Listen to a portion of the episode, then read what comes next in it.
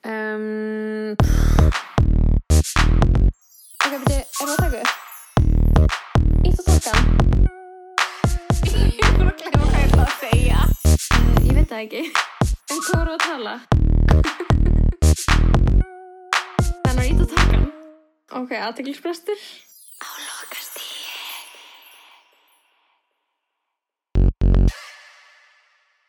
Jæja, Jæja, hæ.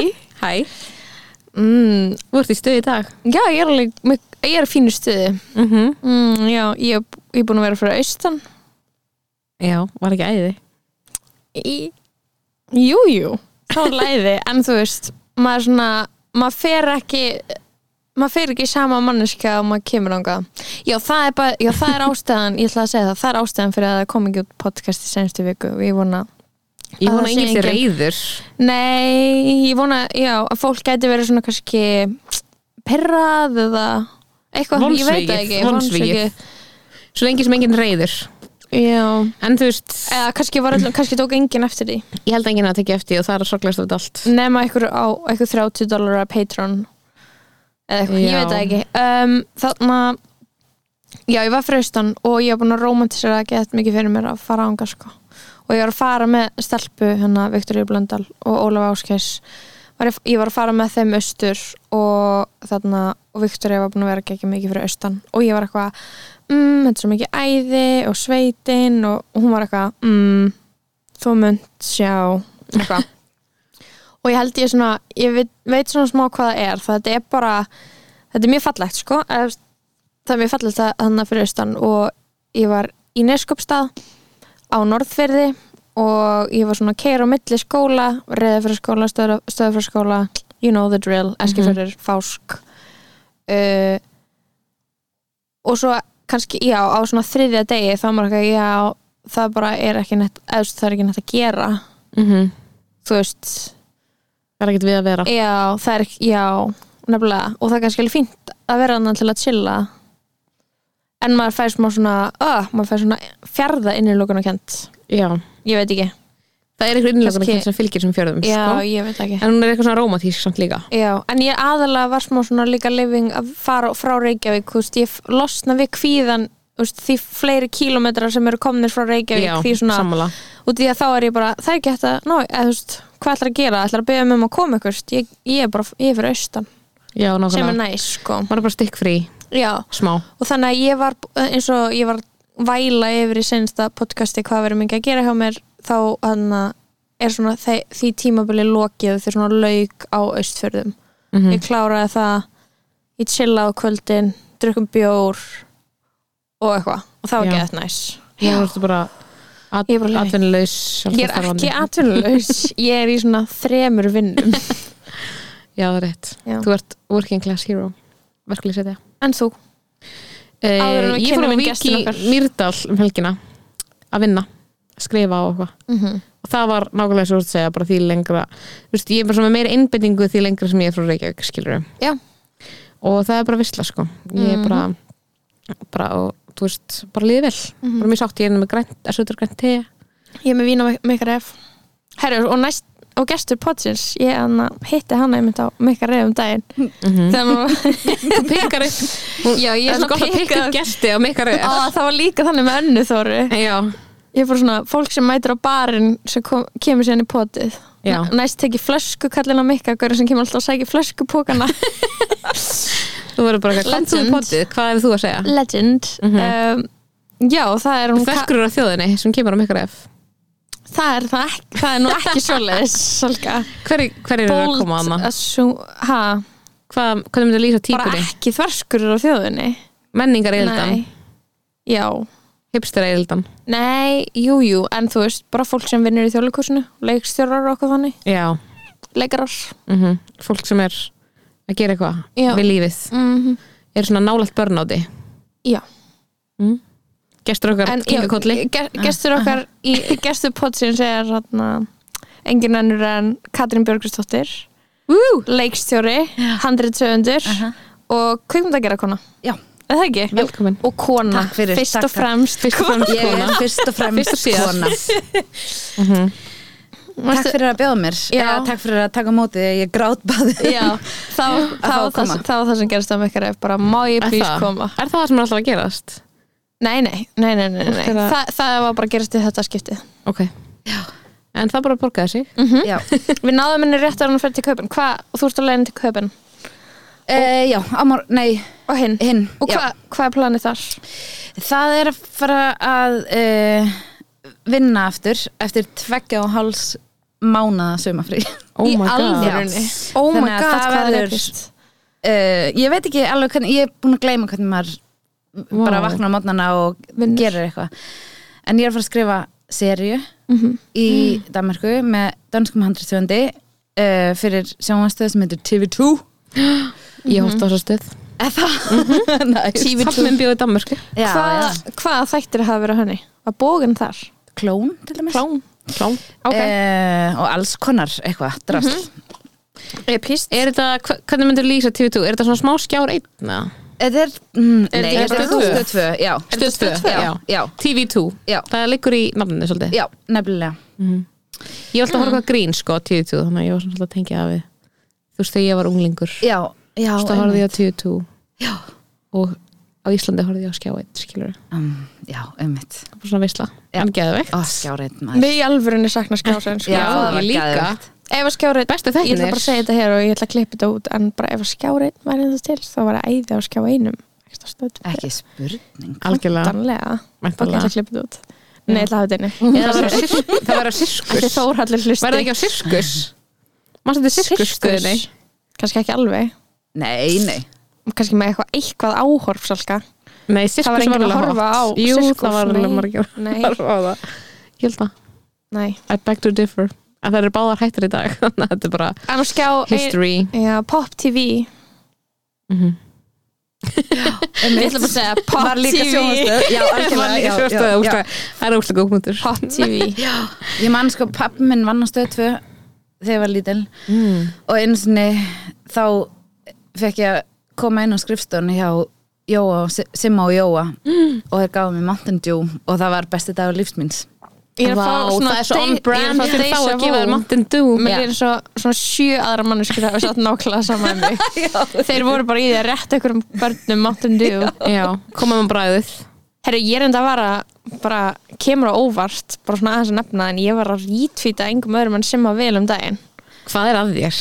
og ég bara var svo ógeðslega sammálanum og ég, má Hvað ég, meinarðu? Bara vesti meinarðu? maður á Íslandi Nei, herðu, Víst oh my Við god spyrjum að Salka, leiklokum. þú verður hættur að verður hættur að vera svona þröngsýn hlustaði hérna Davíð Snær Jón, Jónsson Sem er vilin þröngsýnn. da, da, Nei, hlustaði á þetta tweet árum segir þetta Davíð Snær Jónsson, sjálfstæðismæður, tweetar Í sinni einföldustu mynd þá trúa sósalistar ekki á, komma hann notar ógislega mikið að komum Í sinni einföldustu mynd, komma þá trúa sósalistar ekki á, komma að fátat fólk geti lift sér, komma upp á fátæk Nei, ok, ég var að bylla með senstu komuna en allar hérna komunar eru Ég hef trúa einstaklingnum og öllu því sem hann hefur fram að færa voru ekki smá stressaðar að vera frá að koma að koma það kom ekki að koma og, Kom punktur og, og sem ég vil segir þetta er bara vittlust afstafa trú er góð og gild en í samfélagi þá hefur við öll að gera það sem við getum til að hlaupa undir bakka hann nægir engin árangri í lífi án, lífinu án annara engin uppröpunumverki sorry, ég næst ekki sammála þessu Jú, jú, mér finnst þetta basic take, samt Mér Mér finnst ekki- mér finnst ekki basic fyrir Simma Vel að- Retweetable Nei. take mér er þetta ekkert basic fyrir sem að vilja segja þetta Hann er Ég Ég held held við að- verðum að hérna, klappa þegar svona gerist Akkur Ég veit það ekki, Af ég menna því þegar að- fólk er búið að vera með one take eftir vondu teiki Þá fagnar maður góðu Já, teiki. er það ekki? sko Bara svona búið að vera að fá bara F að prófunu bara mjög lengi og það færa eina C+. mér finnst þetta að vera A plus take Mm, ég er ekki samfærð Mér finnst þetta allt í lagi mér finnst þetta gott take hjá honum Já, og kannski er hann að vera betri maður kannski hann er náttúrulega, hann vinnur fyrir flesk Já, hann vinnur fyrir flesk sem er æðislega skamstöðun á Fél- einhverju sem hann er Hvað Ég meina, útistöðu það? Félag, nei, félag land, í landbúnaði eitthvað svona Með- svína og kjúklingabænda Á, á ok. Mm. Íslandi Vá, Já. Ó, heppilegt þetta er alveg óvinnsalasta þarna í rauninni félag til að vera í í dag Jú, Já, jú. hann- er hann ekki svona kynningar eða, þú veist, er hann yfir þessu eða er hann svona, svona PR-gaurið þeirra ég veit það ekki hann er eitthvað svona, allan að vinna fyrir þá og þú veist, er bara svona já, bara við ættum að vera skilur að borða kjöt, en er þetta ekki, betur flesk félag er það ekki lamba líka? Skilur, er það nei, þetta ekki er eitthvað bara lambasvi- kjúkling og svín. kjúkling og svín sem, sem eru óv- notoriously, óvinsælustu notoriously verst með för, förnu dýrin þetta er ekki, þetta er svona fyrir utan konur oh my god án djóks, let's get back to that fyrst og fremst konat ræðum það, ræðum þau mál án djóks Plus, hvað heitir hann aftur? Segumar mér finnst Lóa ekki vera að vera fyrst og fremst kona þegar hún rítvítar sem að vil mér finnst hún vera svona að setja einhver önnur identity sem hún er með ofar Einmitt. því identity Fesk. þetta er fesk ó nei, það verður að vera Nei, þetta flash er fesk Ói, það er Félags í ömurlegt. eigu svínabænda, eggjabænda og kjúklingabænda Já, fesk það er fáralegt út í að það er ell í Bætti félag sig- já, Bættu bætti þessu þessu allir elli við við. hvað er For að þá er þetta for bara the sake. bestast þú veist, skamstöðun á landin eskilur er bara best andjóks Já, nú ert þú allt í hennu Nú tím er ég sem bara- ég vil ég bara, nei, er það ekki, er hún ekki búin að breyta þessu bara let's go bara næsta job en, ok, Þú varst Þú fyrir tek. austan, hvað varst að gera þar? um, ég var í frí, áframhaldandi fríi að njóta, njóta, njóta uh, var með svona komið svona vinir og skiptust á að vera með mér og Mm. til að með mér og síðan rétt árinni fór suður, þá fór ég í göngur Mm. Fjallgöngur nei, að sækja fjö á fjöll Mm. smala Smala Smala á mennska vegum flesk Já. Spannlöndin, Einmitt, þeir talandi um eru kjöt. branching out mhm. um, þannig að í tvo daga og ég, núna get ég ekki labbað mm. Vá, uh, sorry. og Ok, okay, er búin æði. að liggja fyrir eins og sjúklingur Mhm. Leggist í kör já, í rauninni, mm -hmm. þetta er að erfiðast sem ég hef gert á æfum minni, sko Ég trú því er þetta ekki bara ógeislega margir kílometrar á dag sem hún Jú, var bara- og svona hlaupa upp fjöll oh my god, Guð aftur einhverjum minn góður. kindum það er Myndi deyja. bílinn, sko og ég er með mömminni sem er, þú veist, 66 ára og er í sikk formi, sko oh my god þannig að þú veist, maður er alltaf eitthvað svona næstuði fyrir að gráta á einhverju fjalli og horfir á hana eitthvað svona skokka upp eins og einhver fucking skeit og Oh my God. maður er bara, ekki láta hana vinna þig mm þú veist, oh my god þannig að Þannig að þú ert í keppni við mömmuðina í lífinu Já, að tapa samt Ok Já, því miður ég er líka í miklu vera formann móðu mín sko Já, það er óbærilegt Ah, Það ég er er- óbærilegt ég er í betra Þessi sko. formi en mín. kynnslóð já, bara, hún er eitthvað fersk, alltaf fersk Já. sko. Þessi ég er ekki að meika kynnslóð. það, sko mamma Ha, þín er hel- alveg frekar fersk helmingur af þessari kynslu eru, kon- konur eru öryrkjar og þegar fór í börnat og þeir eru eitthvað, þeir eru Já, allar þær eru andlega mjög illastandar en þær eru líkamlega betur stöndar mjög grannar formi. þær eru mjög grannra en við Já. þeim líður illa en þær eru mjóar já, það er ólust upp eh, mun svona sterkari svona, svona fytufordama heldur en okkar kynslu sko. já, það var endilega haps og meiri fátækt minna úrvala mat Absolutt, já vá, minna nammi og harður veruleiki Dralgir analýsir Já, já, hvað fleira getur það verið kannski er það bara búin að missa listamat eftir Já, öll þessi þær ár eru þær hafa bara náttúrulega byrjaðar í þurft að líknandi fæða já, þær, þær þurftu að hérna fæða og klæða börn og hérna gátt ekki, þú veist, kannski gátt sem þeim að borða feimusli áður gefur en- manni minni matalist já, basically já, gaf mér mjög mikið að borða og það Mhm. sést, en þú veist, hún fekk minna í staðinn Já. hún tók mat úr sínu munni já, svona eins og fugg svona fugl Mm. eldi svona sínu upp í mig Þannig gáfu konur börnum að borða í gamla dag í gamla daga, Já. konur sem eru og fættar þegar voru að vaska upp með höndunum og gefa mat með mununum skiljiði, það voru multitaska Já, það var ekki til neitt svona mauk nei, Skvísur nei, það voru ekki að skvísa til skvísa frá æla og Það viðbjöður var og tyggja það var æla. ógæslega tími gefum gott klapp mömmur Já fyrir að taka á Herri, ykkur ok, joke eitthvað Herri, mér langar svolítið mjög mikið að heyra um hann þátt það var sko, hefði verið, ef þetta var ekki allir spyrstur lokastíð, það hefði það verið svona næsta spurningin ekki, ertu fyrir, hvað varst að gera fyrir austan Já, heldur En- um hvað um hvað er það að gera þætti máttu segja Já, Máttu já, segja? já, ég meina danir skil ekki íslensku ótrúlega góð bútur, það er engin danir Nei, skilur maður, við íslensku getum sagt þetta á ég dönsku. hugsa að ég get bara Nú skal ekki að þetta við dönsku. tala um Katrínus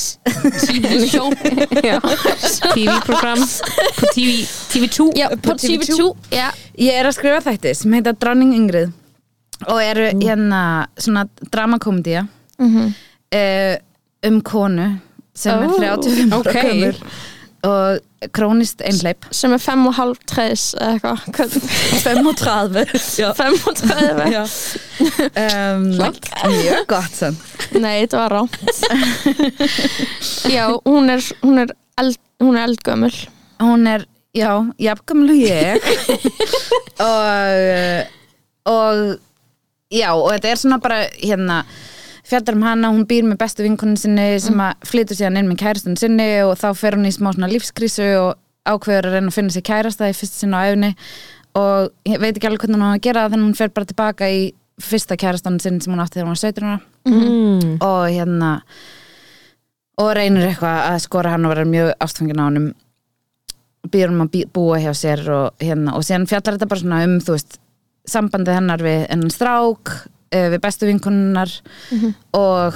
mömmennar ah, Já, A classic mömmur, Tales of Time nákvæmlega uh, og er svona um, þú veist já, ég veit ekki, svona kvenlega vináttu eftir, þre- eftir 30 Mhm. oh, ég finna að ég er búin að segja þetta svo mikið á dönski er eitthvað hve- kvenlega Kynlí- vináttu eftir 30, maður segir það ekki á íslensku Ég bara er loving it Já. Yes, já, og enna er þetta eitthvað svona, svona var, var þetta gerjast inni lengi eða er þetta ný hugmynd? Það er Svona, uh, sko, Pælingin. þetta er, ég hérna var í kvikmyndskóla í Danmarku Mhm.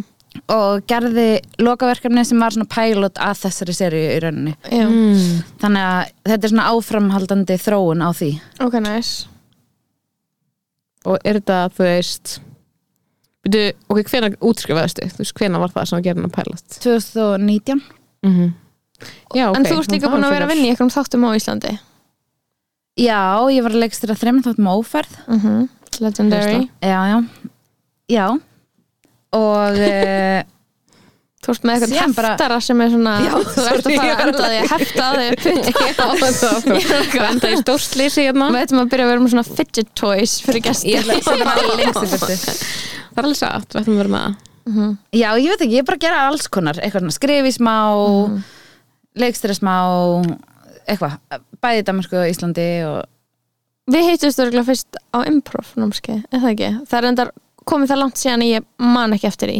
Nei, við hittumst fyrst í partí hjá Sverri Ég hef aldrei komið í partí til Sverris. Nú,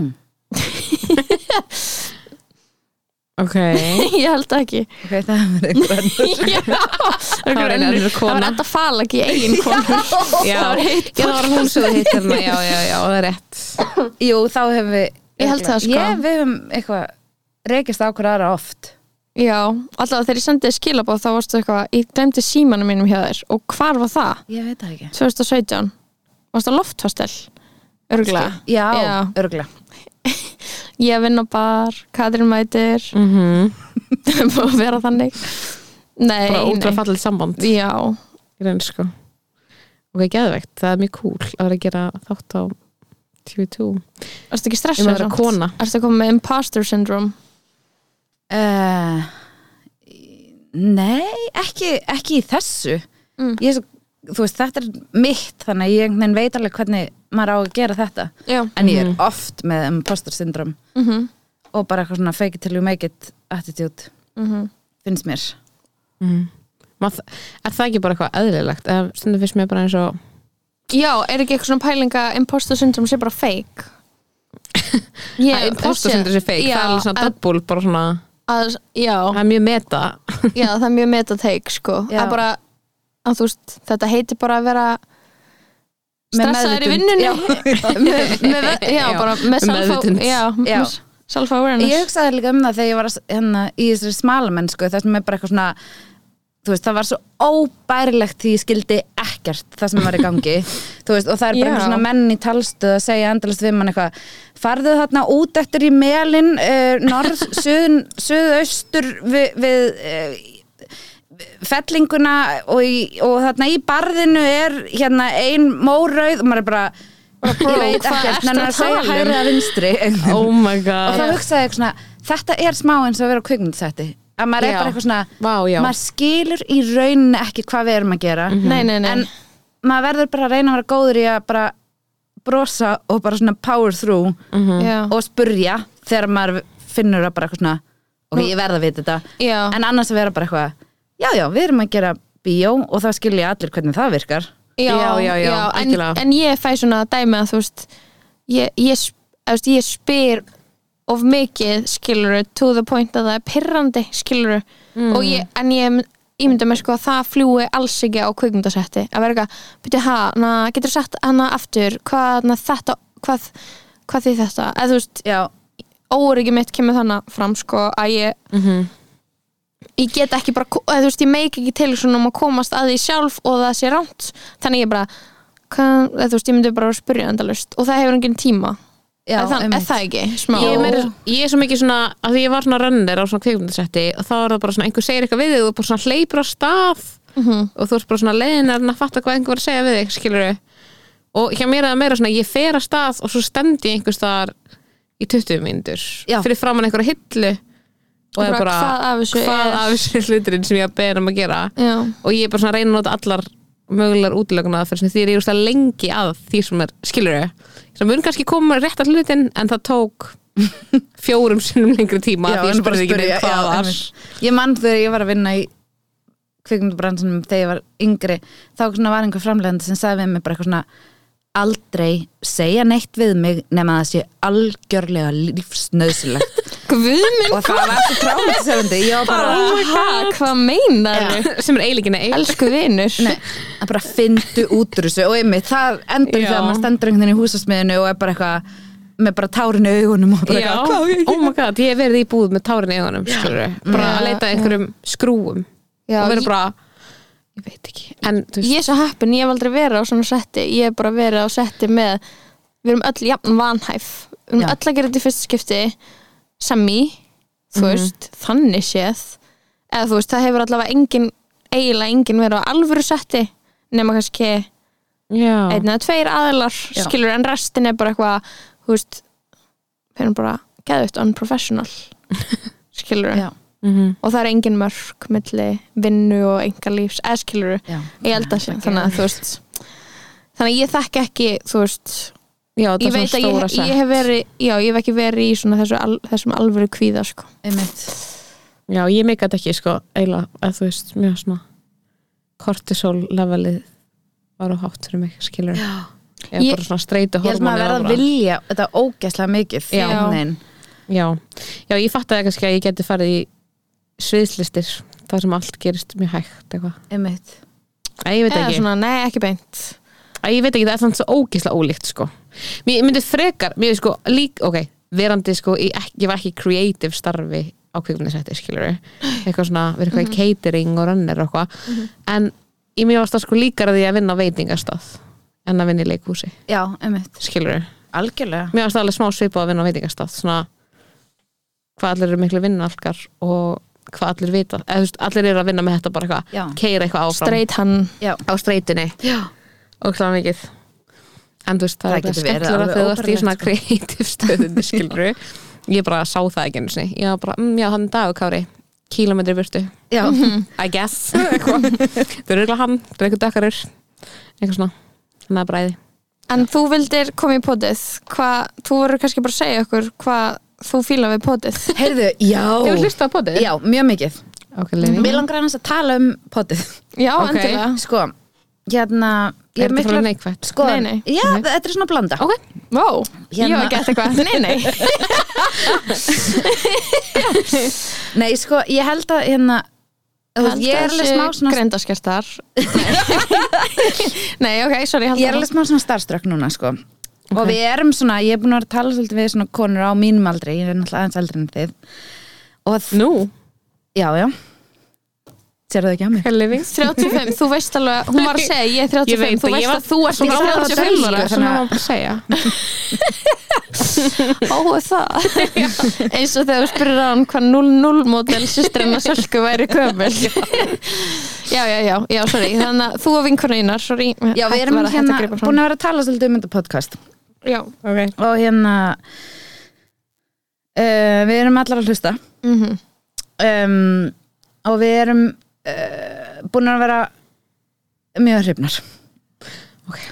Hérna Varst þið alveg stressuð? Já, ég var bara við, okkur finnst þetta ekki nóg gott mér og En vinkunum mínum við getum ekki hætt Við erum að heitlusta Nei, hérna, ég held að þú veist við erum búin að vera að tala svolítið svona um eitthvað svona akkur, akkur þetta er svona geggjað einhvern veginn Mhm. og hérna okkur finnst vera einhver svona ákveðin svona kynnslóðamunur á milli okkar og ykkar Já. og kannski er þetta bara persónuleiki, ég veit það ekki en mér er svona, eins og þið svona leifið ykkur að svona láta ímislegt flakka sem að þú veist, við hefðum aldrei þórað að segja upphátt, þú veist eins og gillina eða eins og gillina, Mm. Já, Na, ég já. hugsaði það um mitt Mér langaði ekkert að láta það flakka skilur ég Það myndi langar alveg, það ekki. eða þú veist, ég myndi alveg vera bara, ég myndi ekkert segja það skilur ég myndi ekki, ég vil ekki vera gæl, þú veist Já, einmitt En þú veist, og aðalega, þú veist, þetta er gillinaðin En líka bara svona einhver svona pælingar um Þú veist Um bara svona Sorry. einhvern svona núanseraðari feminisma sem að mér Mm. finnst vera svona haldið á lofti í þessari podcasti Mhm. Mm. Það sem að má gaggrina og má velta Mhm. hlutum fyrir sér og hlutinir eru ekki svona ógæðslega svartkvítir Já. og réttsýnir og það er bara ein leið til þess að vera feministi og eitthvað svona Mhm. sem að mér finnst Já. vera, mér langar að hrósa ykkur fyrir það Takk fyrir Vá, En síðan finnst mér mjög leðilegt þegar að tala um raunveruleika sjónvarp Já, Ok. og ég sammála hann að pappa þínum sem að sagði Já. það er skemmtilega þegar þeir eru svona intellectual já það er skemmtilegra en stundum er, erum við ekki eða þú veist, stundum erum við bara heimskar sko, held ég. Já, já, auðvitað en það er alveg rétt sko. Já, það er alveg rétt við sko þurfum að lesa meira En svo hérna Þurfum að- bóka hérna Já, bókakastið- var það ekki legendary? Já, Það var fucking geggjað sko. kannski þurfum við bara að vera að lesa hans meira og bara Já, svona- gerum þetta bara að bóka podcasti Ég, Já, ég þú veist, liggur við, sko. Ég ætti bara að vera að nota tíman sem ég er að nota til þess að hérna, horfa Horfa á á- raunleikur sjónvarp. En svo er sko, svo er ákveðin hlustenda hópur sem er sko mjög peppaði fyrir raunleikur sjónvarpni. Já, Þannig að maður er svona, maður er að reyna að ná öllum sko, Já, já, öllum hópum. En ég held til dæmis að þú veist, ef þið ætlaði að tala í, þú veist, 40 myndir um eitthvað raunveruleika sjónvarp, þá ég var alltaf að býða eftir að þau myndu svona Greina með. koma með einhver svona metaforu fyrir lífið þar sem að vera eitthvað wow, mm Mhm. -hmm. skilur og það gerist ekki ég veit að, ég held ekki Nei, örugglega ekki Það er kannski svolítið erfitt þegar við erum að tala um Love Island Ég hef ekki eins og séð það Það væri eiginlega bara salka að mun útskýra fyrir mér Já, ég mun ekki snesta á því málefni leng aftur. aftur. Því miður, ég er bara, Já, þessi kaplið búin núna í lífið minni. Ég ætla ekki að horfa á hann þátt aftur sko. Ég Já. ætla ekki að horfa á næstu seríur. nei, bara dán bara að lesa bækur Já, að því, nei, líka að því mér finnst þetta bara svona Já, mér finnst svo margt sko vera svona að gera heiminn verri við þetta sko Já, mér líka mér- að ég er bara svona, Mér ég finnst, er búinn sko já, já, mér, mér finnst það líka sko og, og lí, án þess að vera á svona stað þar sem maður setur sig að háan hest gagvart einhver aftreyðingarefni -hmm. það er maður svona, well is, er þetta eitthvað gott fyrir eitthvað skilur Ég veit það ekki En ég var að, já, hvað seg- hvað Mhm. Æ, ég held líka bara svona, ok, það er líka eitthvað svona þegar, kannski, mér líður þess að gera svona þegar maður verður eldri, eins og maður sé eitthvað eldri núna eitthvað, þú veist, en fatti þá finnst mér alltaf að vera svona ég er alltaf bara að horfa á þetta að vera eitthvað þetta er eitthvað fólk, skilur sem er að upplifa eitthvað Mhm. og mér finnst ég ekkit endilega það að eitthvað líf þeirra sé eitthvað ónýtt af því að fólk er að senda þeim einhver morðhótanir endilega verða þessu virði, skilur ég sé að horfa, á- æ, skilur hvað ég Já, meina það sé kannski too, pri- too big a price big a price to pay, sko. Já, já en, en að, ég þú veist, hugsa þetta að, að þau, þau þarna, sem að eru í svona raunveruleika þáttum eru bara bara Já. og Líf- lífið þeirra er svona, það- svona sjúkt út til þess að við fáum getum ekstrakta eitthvað skemmtin úr því Já. þau eru algjör í sirkus Breitlandi, það er svolítið annað en kannski já, ég veit ekki hvernig það er með eitthvað svona eins Mm. og æði eða eitthvað þannig skilur, því að við búum í allt öðru sér samfélagi, en Já. eitthvað Breitland er smá Nei, súrt, sko. þú veist, það er bara nákvæmlega sama að gerast á Íslandi Já. og, og í Bretlandi bara fólk sem er Íslandingar sem er fræðir á TikTok Íslandingar sem er, þú sko. veist, já, fá bara endalust Það- heit og, vin- eitthvað. Mm. já, fá endalust heit sko. alveg nóg að því já, en þú veist þetta ég var, ég var að velta þessu fyrir mér í dag eitthvað svona með núansur teik út af því að mér finnst ég alls ekkert geta samt líka heldur sagt allt sem ég er að hugsa eins og hvað ertu í að hugsa um? potinu, Eh, já, í potinu eða á Twitter eins eða og hvað eitthvað hvað er með eitthvað svona, þess ekki ekki um, bara svona það er ósamlega einhverjum sem að held, þú veist mér langar ekkert að taka alla slægi á netinu og fara eitthvað að rífast við fólk út af því að, ok, ég verður að setja þetta gett oftaður, að þá er maður komin í eitthvað vonda fólkið, skilur já, Mm. og það er óþrólandi það er óþrólandi að stilla sér það mikið upp sem, hana, sem rödd- réttlætisins að það megi ekki einhvern veginn tala lengur um það sem maður er að segja Mhm. og ég, en, en líka eins og ég talaði um þið, við þig Katrín á Mekka Ref var að ég var eitthvað svona, ég var svo mikið í liðinu innan gæslappa sem mér finnst hafa svona búið til innan gæslappa þessa menningu á Twitter mér varst, Mhm. ég, mjög stutt síðan ég var feministin sem var bara Já. þessi gerði þetta Ég líka, Gil- einhver er að, hann er að gigga með gils og núna er ég bara Já. eitthvað well En- eins- já, ég held að málið s- það sem hafi gerst pínu er að, Mhm. að það er ógst stutt síðan að það var rosalega mikill, mikill, mikill minni hluti sem var að tala um þessu hluti mér langar að issue a public apology fyrir að hafa verið þarna, að ge- gert þetta Æ, Ég er að tjóka. nei. Vá, það má- ég er að tjóka. verður engin public apologies í þessu þætti nokkuð tíman ég, mér, ég, oh my god, ég þarf að publicly apologize fyrir eitt samt, en ok, held það fram Nei, en þú Ég veist, einu sinni, þá leið mér eins og þú veist hérna, þegar maður var að hérna, berjast fyrir einhverjum svona hlutum og reyna að einhver, opna einhverja umræðum, eitthvað kynfyrsopildi og eitthvað þá var maður svo mikill minni hluti já, að þú varðast að vera með svona mjög bold strokes til þess að reyna að komast inn í umræðina skilju hvað ég menna Já. og núna er þetta bara svona í umræðinni og þá er komið eitthvað alvöru vald sem fylgir í að tala um það og þá byrjum við að þurfa að finna eitthvað alvöru lausnir skilji, Mm, Já. að því ef þetta er svona það ína widespread hérna vandamál í samfélaginu sem það er, bara það er basically bara eitthvað það stór hluti af öllum þú veist, bara eitthvað entertainers í list og bara eitthvað stjórnmálamönnum og fótboltamönnum sem að hérna hafa, þú veist, brota af sér sem er bara eitthvað staðarind sem við veitum núna og það er svona orðið meira public knowledge núna bara núna veit, veit fólk það þá þurfum við líka að finna einhverja alvöru lausnir og þú veist, ef það hefði bara verið einn ef það hefði bara verið gils, skilur við þá væri maður bara, ok, út með hann, takk, skilur við en að því við vitum að við getum ekki gert það við alla En en við við erum samt erum samt eitthvað að- annað, en við erum samt að reyna að gera það, Já, við ætlum. en þá skilur við einhvern veginn og ég held að það þurfi, ja, en samt líka veist með fólk aftur halda að það sé, þú veist það sem er verið að byggjum, skilur við, að allir sé bara eitthvað, dýð, þú veist bara eitthvað deplatformed deplatformed og eigi bara aldrei að koma neins þar og ég held að sé ekki það sem meirlheitanum finnst sko. en Nei, þú það er það sem bara einhverjum finna einhver finnst. aðra leið skilur, en þá verður þetta svona tveir hópar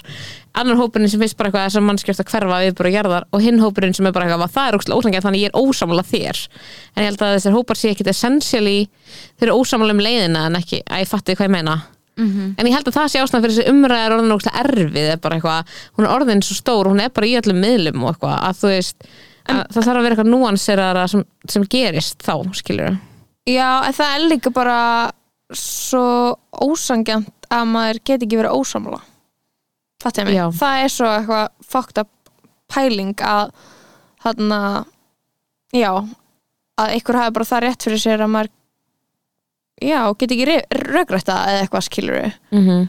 en svo finnst mér líka bara annað þú veist, já, sem ég hef eitthvað ekki sagt í þessu podcasti nema kannski fyrir svona tveimur árum sem mig langar að segja er bara eitthvað það eru gæðið margar þarna úti að flagga einhverjum feministafána sem að hafa ekki lesið stakt orð í einhverjum kenningum feminista fyr, sem næri lengra heldur en einhver texta, textamynd á Instagram Mhm.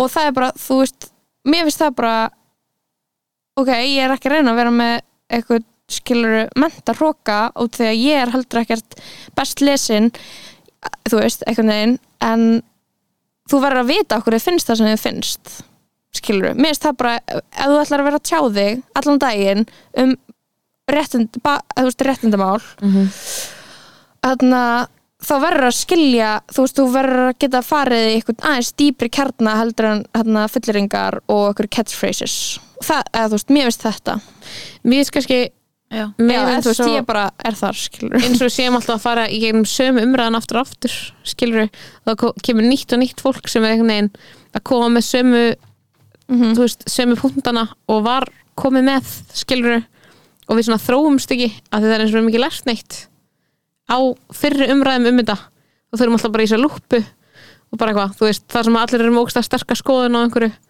og við þurfum aldrei á næsta level þú veist, mér finnst það að vera það sem gerist, skilur eins og svo tala um að svona, hafa kynnt sér, mér finnst það meira bara eitthvað svona kemur kannski allt í henni umræðina þá ertu bara eitthvað, þú veist, með svona þína persónulega reynslu kannski Já, en stelpur eru líka alltaf að lenda í því að fá svona feminist enlightenment þess að það er setja eitthvað svona eitthvað hluti sem þær hafa upplifað í eitthvað sam, starra samhengi út frá eitthvað sem nær lengra heldur en bara ó, þetta er ekki bara mín reynsla eða ég var ekki bara óheppun, þetta er kerfispundið og svo verður, þá verður gett reyður og svo kannski bara fólk maður er kannski bara komin maður er ekki með þessa initial reyði lengur Nei, þannig að þegar einhver segir mér þegar ég veit að því að einhver sé búin búin að brjóta á stelpu það er svona, já, ummitt og þú veist, það er svo lengu hægt að koma að svona, þú veist, það er ókslega sækó kannski að segja það, en maður fær ekki maður er bara svona, já, ummitt, þetta er náttúrulega það gerist, já eitthvað svona, ma- Ég held að þetta sé svo ókslega eðlilegt, þú veist, að bara svona fyrsta sinn, ég, þú veist, ég man alveg þegar ég fattaði bara,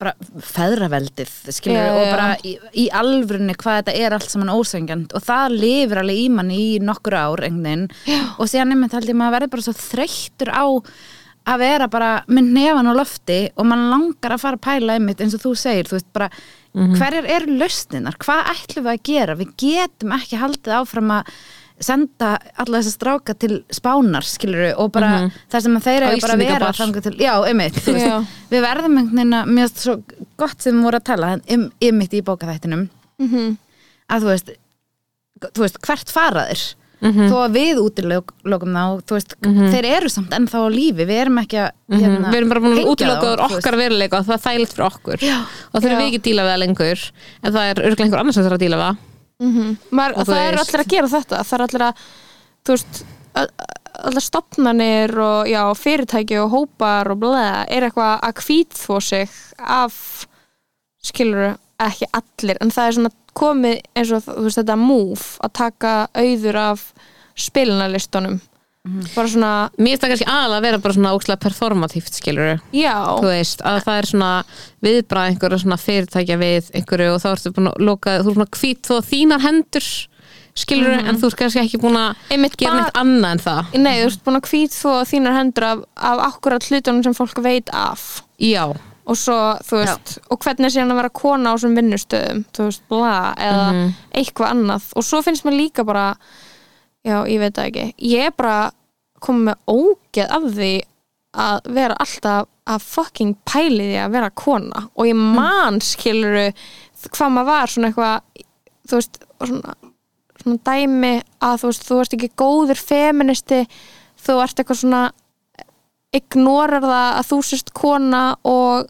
eitthvað þú, þú veist, eitthvað fattar ekki að þessu forréttind eða þú veist, ble, fatt, veit ekki hver að tala um eitthvað svona, það er gett slæmt feminista move að vera eitthvað mér er saman þetta, ég ætla að move beyond this en mér langar að move beyond this og mér langar að þegar konur búi til hluti og gera hluti þá gera þær það því að þær vilja það þær eru ekki að búa, þú veist eitthvað svona búa til tónlist saman bara þegar þeir eru konur eða búa til leikrit saman bara þegar þeir eru konur eða dyrru, eins og þú veist, ég og Salka verðum að gera ömulegt podcast ef það eina sem við ættum samanlegt væri að við verðum tvær konur Já. með skoðanir ég meina, ég, þú, Mhm. veist, Þú veist, við gerðum það var- þetta fyrir tí, þú veist, eh, ég veit ekki tíu árum síðan eða eitthvað hérna munið eftir hérna uppistands Mhm. stelpuhópnum sem að ég var hluti af og það voru bara eh, þú veist, að miklum leiti ekki náttúrulega allt eh, en bara stelpur sem voru bara að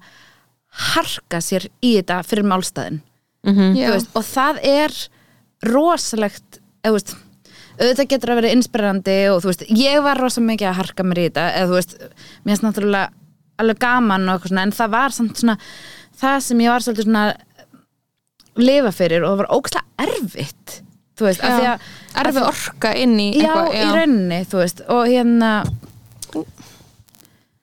já þú, ég held samt, ég horfði sko að heimildamindin um, um en hóp já og mér finnst það bara geðið mikið innspó bara fyrir grín og bara fyrir Þetta er eitthvað geðveikt sko og mjög inspirerandi þú veist, en þ- ég, og eina pointi mynd er bara, þú veist, fyrir mannskjörn sem er að þessu fyrir nokk, nei, meira bara svona fyrir nokkur málum síðan, þú veist, þá var það voru bara stelpur að harka sér í alls konar til þess að, þú veist hérna, það væri minna reyða breytina weird. já, Mhm. skilur og það er ókslega fallið, ég veit að, þú veist, þetta er ekki eitthvað historical, eitthvað Nei, en samt sko, eða þú veist, samt hefur allt svona einhver áhrif en svo má maður líka alveg draga þessi út í skilur að því að maður er bara eitthvað, ok, þú veist núna er ég bara, ég skil úrslega vel þess að þreytu og einmitt ég er búin að draga mig bara 100% úr eitthvað umræðið um feminisma nema í þessu poti Þetta er hvað ég menna að því já ég er bara en þá ertu ég hef náttúrulega alls orku. ekki 100% búin að draga því úr henni Já, en þú skilur veist- út því að þú kemur hing, jú, ég kem hinga og þú kemur hinga og við pælum í ykkur alla vikuna og svo segjum við Já, það já, já en þú veist, maður er, svona, er að sleppa því að tvíta já, Já, maður er ekki af því farið að í maður umræðina verður- við alheimin allavega Nei, Já. það getur enginn svara okkur nema þegar eitthvað fólk sem kemur er búið að í hlusta podcastið og kemur í segir poti eins og þið sögðu Já. hann í þættinum það sem með bækurnar þá þurfum við að svara fyrir hlutina Já. en þú veist, að ég veit ekki, en það sem ég er hrætt við þú veist, að það sem við erum að tala um er að við þú veist, einhvern veginn verðum eitthvað svona að fyrir nokkrum árum þá hefðu við verið til í að taka einhverja slægi sem við erum ekki til að taka núna ég er Já. líka alveg hrætt um að þú veist, ég verði svolítið það sem að ég fílaði ekki þegar ég var tvítug sem var fólki sem að var bara gett þreytt og var bara, hei, þú veist það er auðveldra fyrir mig að accepta bara hlutin eins og þeir eru en að taka slægin og ég er heldur ekkert sammála því sem lífsviðhorfi það er ekki mitt viðhorfi í lífinu skilur við, að ég eitthvað sætta mig við óréttlæti, ég vil halda áfram að vera einhver umræði og, og hérna En svo emma skilur bara berjast fyrir betri heimi skilur og mér er sorglegt ef maður kemst á einhvern aldur sem maður nennir ekki lengur að gera það. mér er það sorglegt skilur Já, en ég var bara að hlusta á hann á predikunum hans Davíð Þórs Jónssonar hann á páskadag, þar sem hann var að segja að hann, hann fer hans að grafa í þetta um, um þetta í þennan punkt skilur að maður eld, að,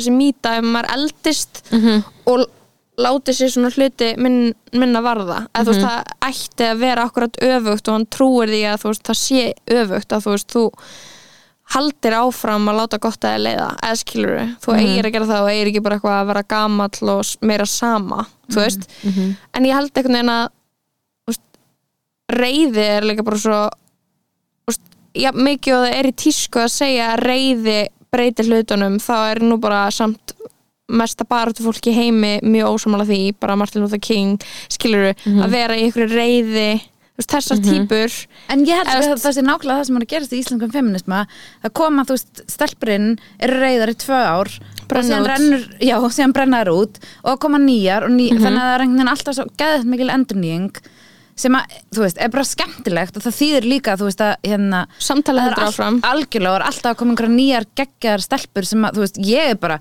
þú veist, og ég verð alveg viðkjörn það ég les engar feminiskar kenningar skiluru, bara minn feminismi Mhm. er bara lesa það sem að, aðrar stelpur skrifa á internetinu Mhm. og bara svona já, já, einmitt, þetta getur líka verið svoleiðis, þú veist, ég meina Mhm. ég man alveg eftir mörg málum þar sem að þú veist, eitthvað kemur fram, þú veist og ég er bara eitthvað, já, þú veist, bara með eitthvað fucking sem að vil teik í rauninni inn í hausnum á mér og síðan fer ég á internetið og er bara eitthvað að lesa það sem aðrar stelpur eru að segja og þá Já. bara byrja, byrja, það byrjar að setja hlutin í samhengi fyrir mig og þá er ég bara, já, ok, nei, Já. þetta er þú veist, ég er ennþá bara gæðut mikið að læra á bara þetta er ósangjan, þetta er ekki í lagi, þetta er í lagi, eitthvað svona, Mhm. en síðan finnst mér að svona hobbyið mitt er að, þú veist, velta hinum hlutunum, bara hvenar hv- hver eru lausninnar, hvernig Já, getum já, við já. þú veist, hvað ætlum við að stoppa, hvernig ætlum við að þú veist, halda áfram einhvern veginn, þú veist, Mhm. þegar rey, okkur er runnin reyðin, þú veist, hvað ætlum við þá að gera einhvern já, veginn? já. Mhm.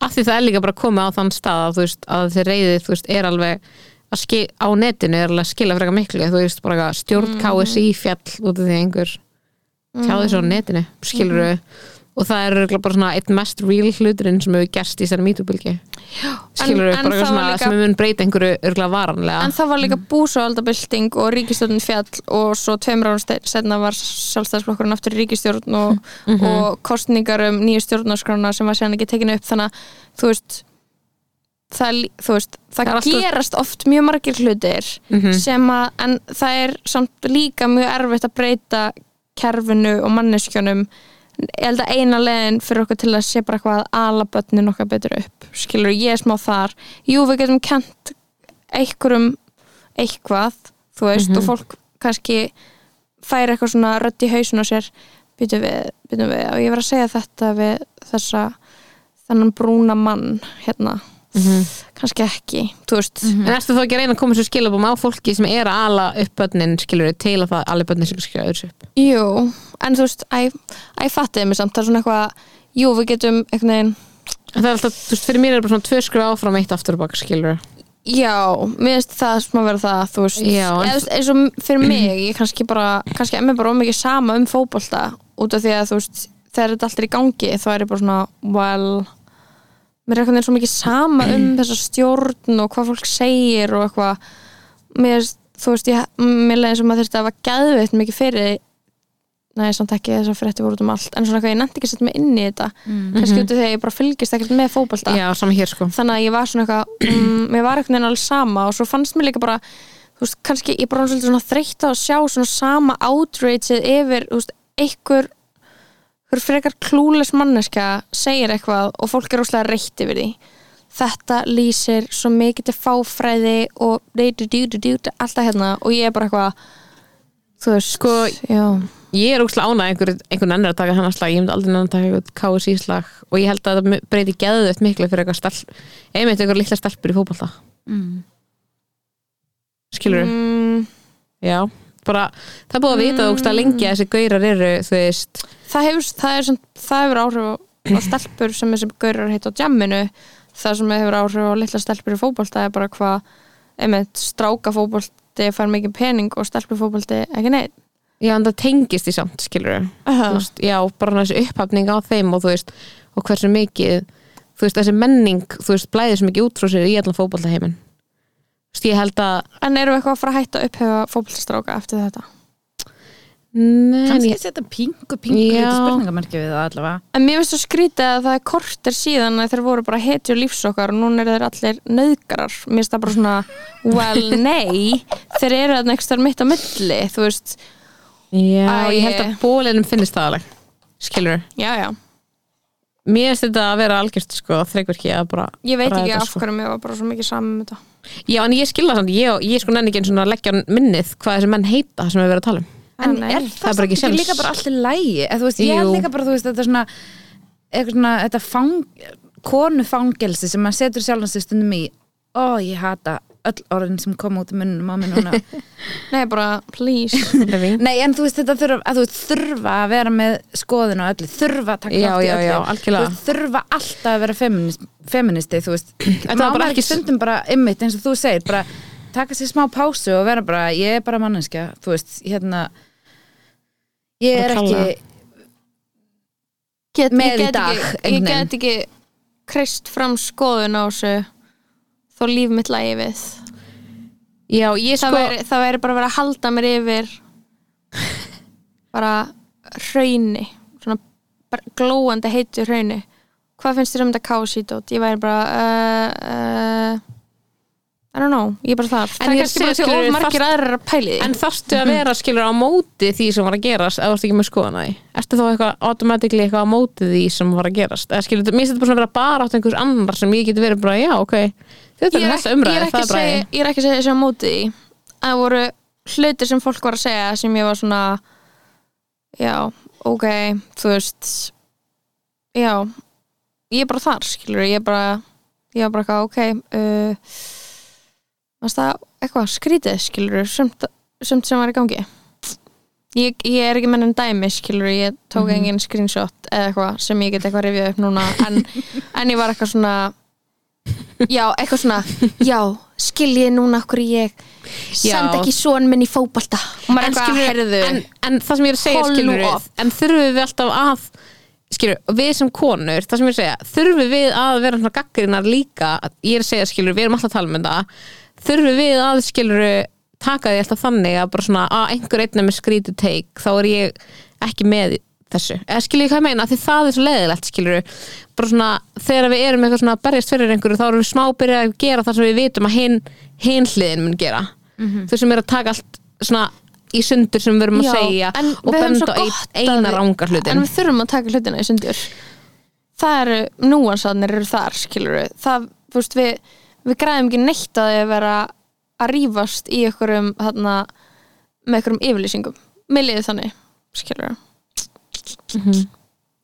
Það er eitthvað það er, That's when I have taken to Twitter til að segja það bara þegar að Bassi fór í karlmennskuna Mhm. og saði fullt af einhverju bulli Mhm. og því að hann, hann getur ekki verið alvarlegur Já. og einhver, og einhver fullarinn maður steini í karlmennskan Mm.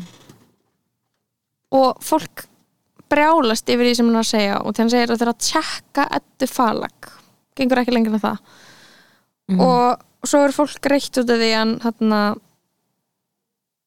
segir eitthvað stundum child og eitthvað svona fleiri, fleiri frasa sem að koma úr African American Vernacular English skiluru lingói þarna og ég er bara eitthvað þarna langar mig að rífast mér langar að segja, ok um, þurfum við öll að vera sammála öllum feministum annars erum við á Mhm. móti the cause, nei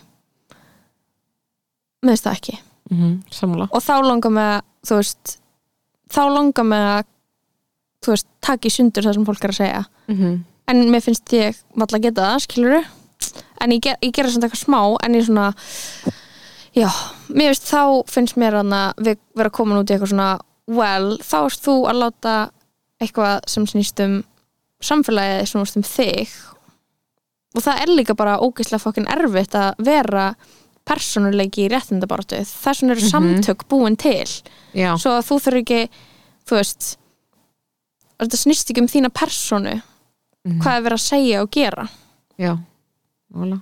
auðvitað skipta samt personur í réttindabaratu oft ókslega miklu máli það, get- þú veist, einstaklingurinn þú veist, ef að þú veist, einhver verður ókslega frægur getur nota rödd sína, skilur en núna finnst mér bara að ef þú ert frægur þá átt að nota röddina já, já, já, já, mér er líka skrítið þegar við skilur ætlum Þú að ert eins og láta bara Met Gala. fólkið já, já, allir á mett gala með eitthvað bóðskap á fokkin fötunum sínum já Mm. bara give me a break, Já. farið bara á þetta fucking gala, ekki vera með eitthvað peg the patriarchy á bólunni Já, en- það er Mm. ógislegt Mér stelum þess ógæslega áhugavert þegar við ætlum að reyna að halda eins og þú veist að við erum sko búin, þetta er annars sinn sem við erum að nefna raunverulega sem var uh, bara til þess að baka Katrínu Já. Bara- Nei, en þú veist, en þegar við erum að horfa á eitthvað ógislegt raunverulega sjónvarp með bara fólki sem bara, við erum svo ósámála öllu sem að þau eru, þú veist bara eitthvað real housewives og eitthvað svona bull og það sem við erum bókstælega að horfa á þetta sem bara svona, ég ætla að horfa á bara svona lægstu byrtingamynd bara manneskina líka við skilur Já, og það er bara að vera hann að toga úr þeim alltaf hræðilega sem þeim Já, finnst. bara við erum að tóðum alltaf sæðilega og við ætlum að halda þeim samt eitthvað, við ætlum að hafa ókslega gaman að því en síðan ætlum við samt alveg að halda þeim undir sama siðferðistandard þess að þau séu eitthvað fólk sem er eitthvað svona þú veist, okkur finnst það eigi að vera með sömu skoðanur og við. Ég myndi aldrei nenna að horfa á eitthvað draunleika þátt um Það sem þetta er eitthvað ókslega fólk sem að hefðu ókslega mikið bara eitthvað rétt fyrir sér í lífinu Hvað, bara segir raunveruleika alltaf þáttum- réttu hlutina og væri alltaf Guð bara minn eitthvað góður. ógislega bara eitthvað hefði sömu skoðanir og ég ég er bara eitthvað að horfa á Real Housewives með einhver einhverju Kyle Richards sem er bara rí, og verið rík bara frá þeim fættist og er bara eitthvað skiluru, bara elskar Ísrael skiluru, ég er bara að horfa á það það er bara mitt skiluru En þú ætlar ekki að val að fara að horfa á það tvíta hvað sem ég verið bara, Kyle Richards, breytt þú um skoðun nei, þetta er bara einhver sækó gella í bandaríkjunum sem er svo rík að hún sko veit ekki hvað hann heitir skilur, hún er bara Já. þú veist, ég er ekki að horfa, á- þannig að mér svo fyndi að vera bara eitthvað svona, ok, nú erum við með eitthvað raunvöld þættu og, eitthvað og við ætlum eitthvað að taka fólki sem er í því og við, við ætlum að ákveða að það eigi að, að hérna þú veist, ég veit, mér finnst þetta svo ógíslega tilætlunar samt Já, að þú veist, þau eigi að einhvern veginn falla undir okkar alltaf svona siðferðistandarda og eigi alltaf að gera en á hlutin sama eins tíma og að við vera entertaining en að samvera og kúkulúlu já, og vera crazy og, og vera svolítið út fyrir boxið og vera svolítið, þú veist með öðru sér hugsun en við en samt Mm. að hugsa sömu hluti við og vera sammála okkur, minnst það bara fárlegt En hver er að gera þá kröfu? Í þessu Í dæmi þessu með dæmi með Bassa, Bassa. Bassi farið í þetta podcast Já, já, já, já, já. og svo er já. líka, þú veist, oft þessi í Love Island eitthvað, já, þessi gaur, hann er hérna, kommentaði einu sinni enn, eitthvað hvítu gaur sem kommentaði enn orðið á einhver, í komment við vin sinn eitthvað, í einhverju svona vinalegu kommentið skiluru Mhm. fyrir nokkrum árum og allir bara, hann er cancelled, ég bara er hann cancelled fyrir það, ekki fyrir að vera heimskasti maður Á í, jarðríki. á jarðríki í einhverjum raunveruleika þætti Já. skilur svo fyndið að vera bara, eitthvað, heyrðu, hann fyrir utan þannig þátt er líka heimskasti maður í heimi bara já, auðvitað hann það þú veist, af hverju er hann í svona þætti Mhm. þetta er rosalega fyndið, þú veist, við viljum að allir séu bara alveg eins eða eitthvað, eða þú veist, ég veit það ekki Já, Hvernig er það með ykkur? Svona, er þið búin að fara svona tilbaka á internetið og aðtöðu hvort þessi, þessi, búið, að- þessi búin að segja eitthvað sem að sé já, hættulegt fyrir tíu árum síðan eða eitthvað? Uh, ég kann það eiginlega ekki, sko Nei, að þú veist, ég veit að veit af einhverju dóti og var held ég að tala um það í skoðanabræðurum það var ég að tala um eitthvað svona að þú getur fundið blað frá því í MR þar sem að ég var í rítstjórn sem fyllt að einhverjum umlum bröndurum já. en þú veist, ég er bara eitthvað ég Mér er finnst búin að næstum því- hugsa það, ég er bara eitthvað ég er ekki nóg fræg til þess að eitthvað myndin en að grafa það upp Mhm. bara for what einmitt. ég held að Já. þetta podcast sem er mest incriminating örgulega Eða Já, hvað? við segjum Já. þetta aldrei neitt Þá- hérna Nei, en þú veist En ég er svo oft bara eitthvað Ég held að ég hafa aldrei sagt neitt sem ég gæti ekki bara eitthvað svona ekki sem ég gæti, eða fullum sem ég gæti ekki staðið með núna en Nei, mér finnst sam- að maður ætti að geta verið bara eitthvað heyrðu, ég var 17 ára Já. ég var, og bara alltaf var ég ekki Hlutirnir hass voru með öðruvísi heimsku þá. vinum mínum skilur, þú veist hvað, þú veist, ég var bara að segja ógislega heimskulega hluti ég var bara ógislega, bara því ég var í MH ég bara, heyrði ína slutshaming brandara um stelpur og hverjum degi og var bara, já þú veist, ég sagði nöðguna brandara þegar ég var í gegnfræðskóla Mhm.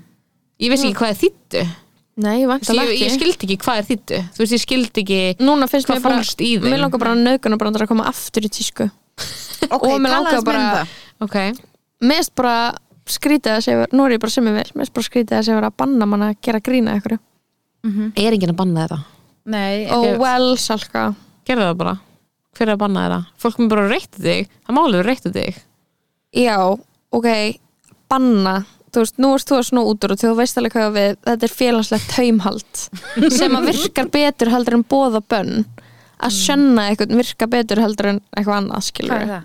að hunsa að svona og skamma þú veist, taka eitthvað fyrir það er bara mjög effektív leið til að stjórna fólki við erum bara, við erum bara að taka austur Evrópa á hvort annað núna á netinu Já. við erum bara, ég ætla að klaga þig en heldur það líka að sé svona Ég er þú bara þar. að fólki sem að er sammála þér er ekki jafn virt af því þú veist, það er auðveldra að vera virkur á internetinu til dæmis Já. þegar maður er með mjög svona a- svona agressífa skoðun bara hé- hér, þetta er skoðunum mín Já, Mhm. bara en svona þegar öfga maður hægra hefur og svona öfga bara öfga blandi vinstri póka eins og þú ert Já, þú veist, enginn þá er kannski bara fólk að skamma þig og fólk, aldrei fólk að vera eitthvað já, góð pæling, það er aldrei neitt að skamma mig nú ok Nei, eða það þarf ekki að Eh, valla, ganga lengra. valla eða þú veist hvað hefur að gæst einu sinni eða eitthvað tvísvar þar sem ég var með eitthvað teik og, og fólk var eitthvað ok, þú veist nokk sinnum en þú veist aldrei eitthvað alvarlegt ég, ég hef aldrei Mhm. ég, verið ég, ég held að þú cancelled. hefur bara alltaf sagt bara eitthvað það sem þetta er í hug og þú, ég held að sé bara eitthvað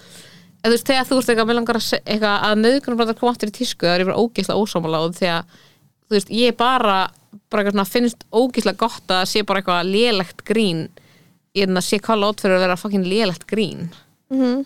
og bara sem er ekki fyndið við höfum verið með uppistand þar sem að bókstælega bara hvað Rebecca sæði brandara sem var nöðgunabrandari mm af því að hann involveraði nöðgun skilur við, en hún var að segja það frá hennar point of view og hann var fyndin, að ég skilur hvað ég meina mm, og þú veist, mér finnst bara svona ógislega mikið líka bara hvað mikið að bara vera bara hvað, ok, þú veist, vákaða búið að vera mikið að menningu þegar maður er allast upp þar sem að fólk vegið að segja einhver hluti sem voru bara ekkert fyndnir og maður átti eitthvað að hlæja að ég skilja hvað ég meina þar sem maður var bara eitthvað, vá, mér finnst þetta ekki fyndi en það er einmitt þetta félagslega taumaldi ég má ekki segja að mér finnst þetta ekki fyndi skilur þau?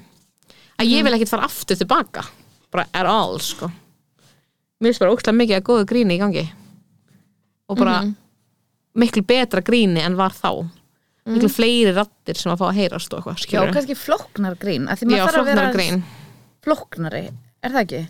Jú, kannski þegar maður getur ekki verið eitthvað svona að slamma á einhvern Já, það kannski snýst ekki bara um eitthvað svona, ég nú ætla ég að svona gera smá sjokkfaktor eða eitthvað, ég veit Mm, það ekki Nei, ég meina auðvitað eru þann engin ófinnari heldur en karlrembur skilur auðvitað Já, það ég ekki fyrir, mér finnst svo fyndið. stutt síðan að það var bara grínið Já, skilurðu. ég er ekki að beða um comeback á því Nei, Mhm. en mér finnst þetta mjög áhugavert Ég var til dæmis að reyna að skrifa eitt brandara í seríunum minn í Danmörku hérna, þar sem að þú veist, umræðan er líka bara komin, eða þú veist, hún er bara á allt öðrum stað, þú veist, hún Mhm. er ekki þú veist, Danir eru bara nýbyrjar að vera eitthvað konum er nöðgað Já, já, og já ekki bara í sendifræðbílum að einhverjum rúmönum, eða þú veist, maður er bara mhm, Mhm. ok og hérna Hjálp Já. og ég var, mér langaði svo að skrifa einhvern svona, það var einhvern svona karakter sem ég var að skrifa sem var svona ung stelpa og var að f- reyna að finna eitthvað partí sem hún var að fara í, ætlaði að fara í og hérna og átt, m- ég skrifaði þannig að hún var eitthvað svona eitthvað svona að ég vil ekki fara til partí til hans, hann nauðgæði vinkunum minni eitthvað svona Mm. sem væri svo basic á hérna og þú veist, aðstæðunar eru þannig að þú veist, eldri stelpunar eru að reyna að losna við hana fari partí, fari partí, fari partí Já, eitthvað já. svona, hún er eitthvað svona að reyna að finna einhvern og það er eitthvað svona, "Ú, eh, Mhm. ok, kannski ekki hann getur fundið einhvern annan Já, eitthvað svona. já, já Þú veist, og bara svona, mér langaði þú veist, pointið var bara að vera bara eitthvað svona eins og það er smá í Íslandi bara nöðganir eru bara hluti af bara okkar díalóg, þú veist það, Mhm. Já, er við ekki, það segjum bara, kippist þessi enginn gerir við þetta, já, skilur einmitt. Mhm. þú veist og síðan hérna skrifaði þetta og pródusent minn, þú veist baði mig um að taka þetta út áður en að hérna TV2 myndi lesta og því að hún var bara þetta er of, mi- eða, þú veist, þetta er of sjokkarandi einhvern veginn, að Mhm. því bara í Danmarku er bara þú veist, orðið voldtakt þú veist, það er bara, fólk er bara þú Já, veist, það er já, eins og hriðverk eða Já, já. hérna þjóðamorð Eða eða eitthvað, sifjaspell. já, þú veist, Bara já, þú- einmitt eins og sifjaspell Mhm. já þú bara getur ekki sett þetta inn á þess að það yrði bara the main plot já, já, já, já, já, Já, Mhm. og já. það myndi taka bara allan fókusinn og, ég, og ég fekk bara svona aða hvað er leiðilegt að gera svona í ónúanserðu Danmörku, eða Mhm. Já. allan að það sem að núansarnir núanser núansarnir er það orð? Mhm. já, já, ok, þú veist, ég finn allan ekki fyrir þeim, þú veist, af því ég er ekki alveg integreruð í samfélagið einhvern veginn já, Mhm. já, já. og ég f- bara svona, ég man að ég var bara svona ó, ég fucking sakna Ísland það sem að, það má segja alls konar svona og það er ekki e, þú veist, vi- ég sem kona má hérna, þú veist segja, þessar konur tala um nöðgun á léttvagan hátt af því að hún, það er hlut, það konst þeirra hluti, veruleiki, já, já. nákvæmlega partur Mhm. af veruleikana þeirra einmitt nokkulega og það er það ekki í TK Nei, ekki, nei, ekki á sama hátt og ég meni ég útiloka ekki að þú veist, það hefði ekki það sama gerst hér skilur þú veist, þetta er náttúrulega eða, þú veist, ég- við, okkur finnst þetta kannski eitthvað svona, já, já, já, við tölum voða mikið um nöðgun, ég held ég segi nöðgun þú veist, fjórusunum á dag, skilur á Íslandi Mhm. ég segi nöðgum fjórum sem á dag hvað segir þú þá? en það er svo basic það er bara verið að tala um eitthvað og svo bara já, um mitt og Já. þarna nei, eitthvað þessi, þetta dæmi þú veist, það er bara alltaf að vera að tala um þetta Já, það er mjög basic sko já, Já. þetta er bara einhver þróun sem er orðið hérna sem er bara svona er allt öðru sig Mhm. en í Danmörku var náttúrulega bara eitthvað fyrir ári manni eitthvað geðvegt stórt svona me too dæmi nei, það var ekki eins og er ekki eins og ár síðan er það það var hann einhver einmitt. TV-kynnir já, sem emmitt talaði um að hafa orðið fyrir ofbeldi eitthvað svona einhver, einhver frægum dönskum Já, svona já. TV-gaur Já, hún hún hélt svona ræðu á hún svona verðlunaháttið Já. Classic ógslag motive. fyndið og Mhm. skemmtilegt ég man að þú veist Íslendingar voru eitthvað svona, ég sá að svona voru nökk- nokkrir Ísl- Íslendingar skrifa á internetinu eitthvað haha, Danir eru að fara að fle- fatta me too núna í rauninni eitthvað svona og a- allir Danir voru eitthvað það er kynferðslegt ofbeldi í gangi eitthvað svona og við vorum bara, í- við Íslendingarna vorum eitthvað "Ó, við erum svo vók, ó, ég fatt ekki neitt eitthvað svona. Lúðar. og síðan bara þú veist, tvei mánum setna kom bara þú veist, sjötta me too bylgjana á Íslandi eitthvað svona, Já, já, já. allir í Já. sjokki allir orðinu bara jæja bara hvað, hvað mun góður oh my god já, já algjörlega þetta, er- en þú veist, mér finnst þetta myndi vera bara eitthvað svona, það er staðurinn sem ég væri til í að vera á, skilur er bara eitthvað það sé kannski á eitthvað núvansanhátt í um komið það langt, æ skilur Já. að þú getur komið með eitthvað þetta grín skilur en það sé ekki á svona þessum staða sem að bara eitthvað einhver gætt bara eitthvað tala með raskatina á sér og nota nöðgun sem punchline skilur og það, það var bara eitthvað en þú mættir ekki tala um þína eigin, þinn eigin reynslu heim -hmm.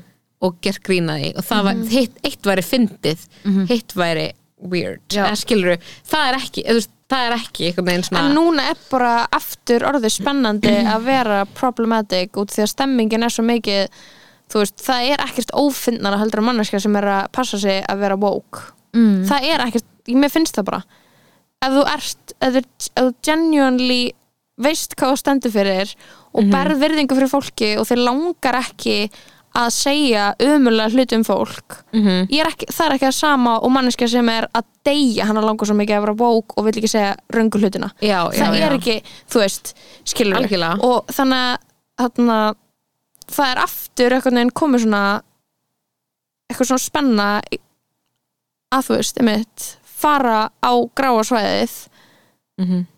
eins og var kannski fyrir þú veist bara eitthvað nokkrum árum bara, bara eitthvað E LEG húmor Mhm. Já. og því að það myndi enginn púla upp sem Ali G núna, það myndi enginn cosplaya sem einhver heimskur hvað átti hann ekki að vera hann var að leika eitthvað svona semi-inflytjanda típu skilur og er Mhm. Já, eitthvað svona já. heimskur og kann ekki tala og svo þú veist, leikur Sasha Baron Cohen líka eitthvað, þú veist, samkynnan mann og svo leikur hann gaur frá Kazakstan, þú veist lab, lab, pizza þessum þáttum núna Mhm. það væri alltaf bara eitthvað það er eitthvað að þér Já. þannig að ég er að segja þú veist, þetta er aftur ára interesting út af því að við erum komið með um, út í að núna er eitthvað svona borgarleg svona, eitthvað svona það, það myndi augra fólki mest, það er mest spennandi það er ekki lengur augrandi að vera ókslega vók og rétt sít núna er eitthvað svona komið með eitthvað tvist á það skilur við, já eða þú veist, já Mm. en ég er mér bara finnst smá svona, þar. þú veist, eitthvað svona, svona skrifandi svona semigrín einhvern veginn, finnst mér alla hann svona einn áttaviti alltaf vera fýtt sem er bara eitthvað svona þú veist, m- mér finnst til dæmis bara svona eitt það sem að svona það besta sem kom fyrir mig úr þú veist, Black Lives Matter til dæmis var bara eitthvað svona að átta mig á bara já, hérna ég er privileged, nei hérna mm tussa, þú veist bara og það var bara eitthvað svona ok, ég þarf í raun að muna það á hverjum einast degi, þú veist, bara aðeins og, en sko aðalega bara til þess að vera bara eitthvað svona er ég að sem forréttindatussa að taka low hanging fruit í, þú veist, gríni bara, og ef ég er að gera það þá er það bara fucking metnaðalust og bara gerðu betur þú bara fyrst góða metnun, þú ert fullt af pening þú ert hvít, bara þú veist, hættu þessu, gerðu eitthvað be- betra skilur þannig að þegar ég skrif einhverja senu með það sem pönslanið er, þú veist svört vændiskona, skilur þá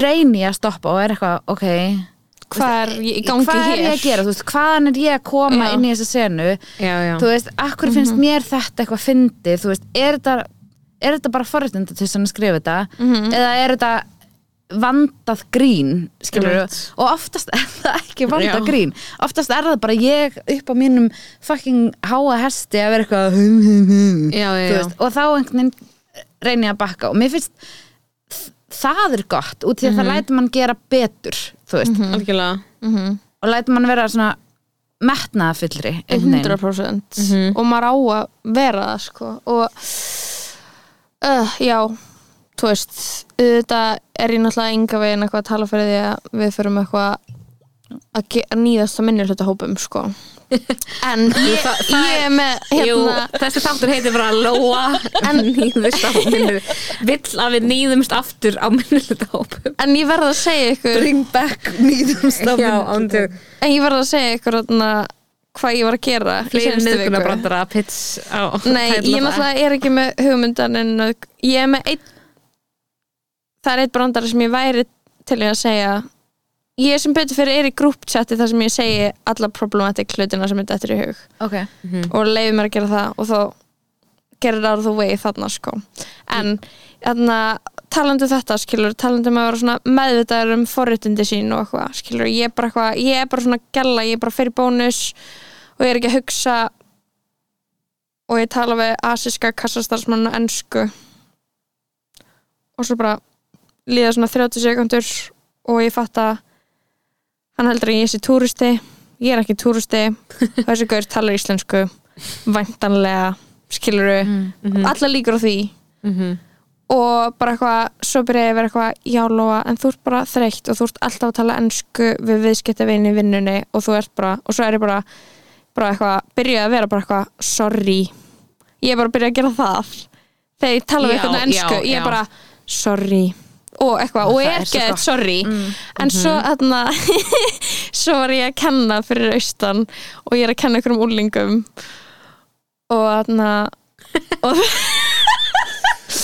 og það er bara ég er bara verð að segja ykkur þetta því að þú veist ég er bara með mental illness skilur ég er bara fer í kaffipásuna ég fer í kaffipásuna og ég er bara Viktoria það er krakki í bæknum mínum sem hann bara lítur út fyrir að vera no joke svona 35 ára og ég skil ekki hvað hann er að gera í bæknum mínum og ég er bara að tala um þetta í 17 mínútur ég er bara, ég er bara er þetta eitthvað skam er hann bara búin að ljúa ég, ég, er að, ég er bara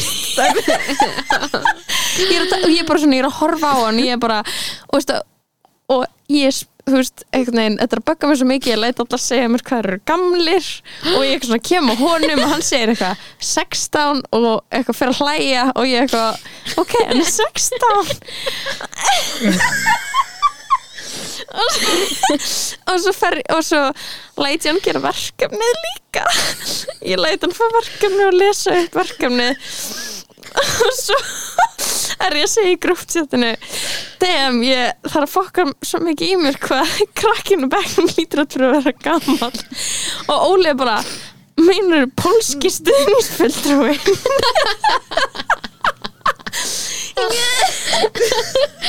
ég þorði ekki að vera racist og ekki trúa því að pólski krakkin væri kannski bara þroskaðari heldur en hinn er krakkaninn Oh hann my var God. bókstala 34 ára eða eitthvað og ég bara þorði ekki að gera hann danna heldur en að gera það fyrir að allir inn í stofinu væri krakka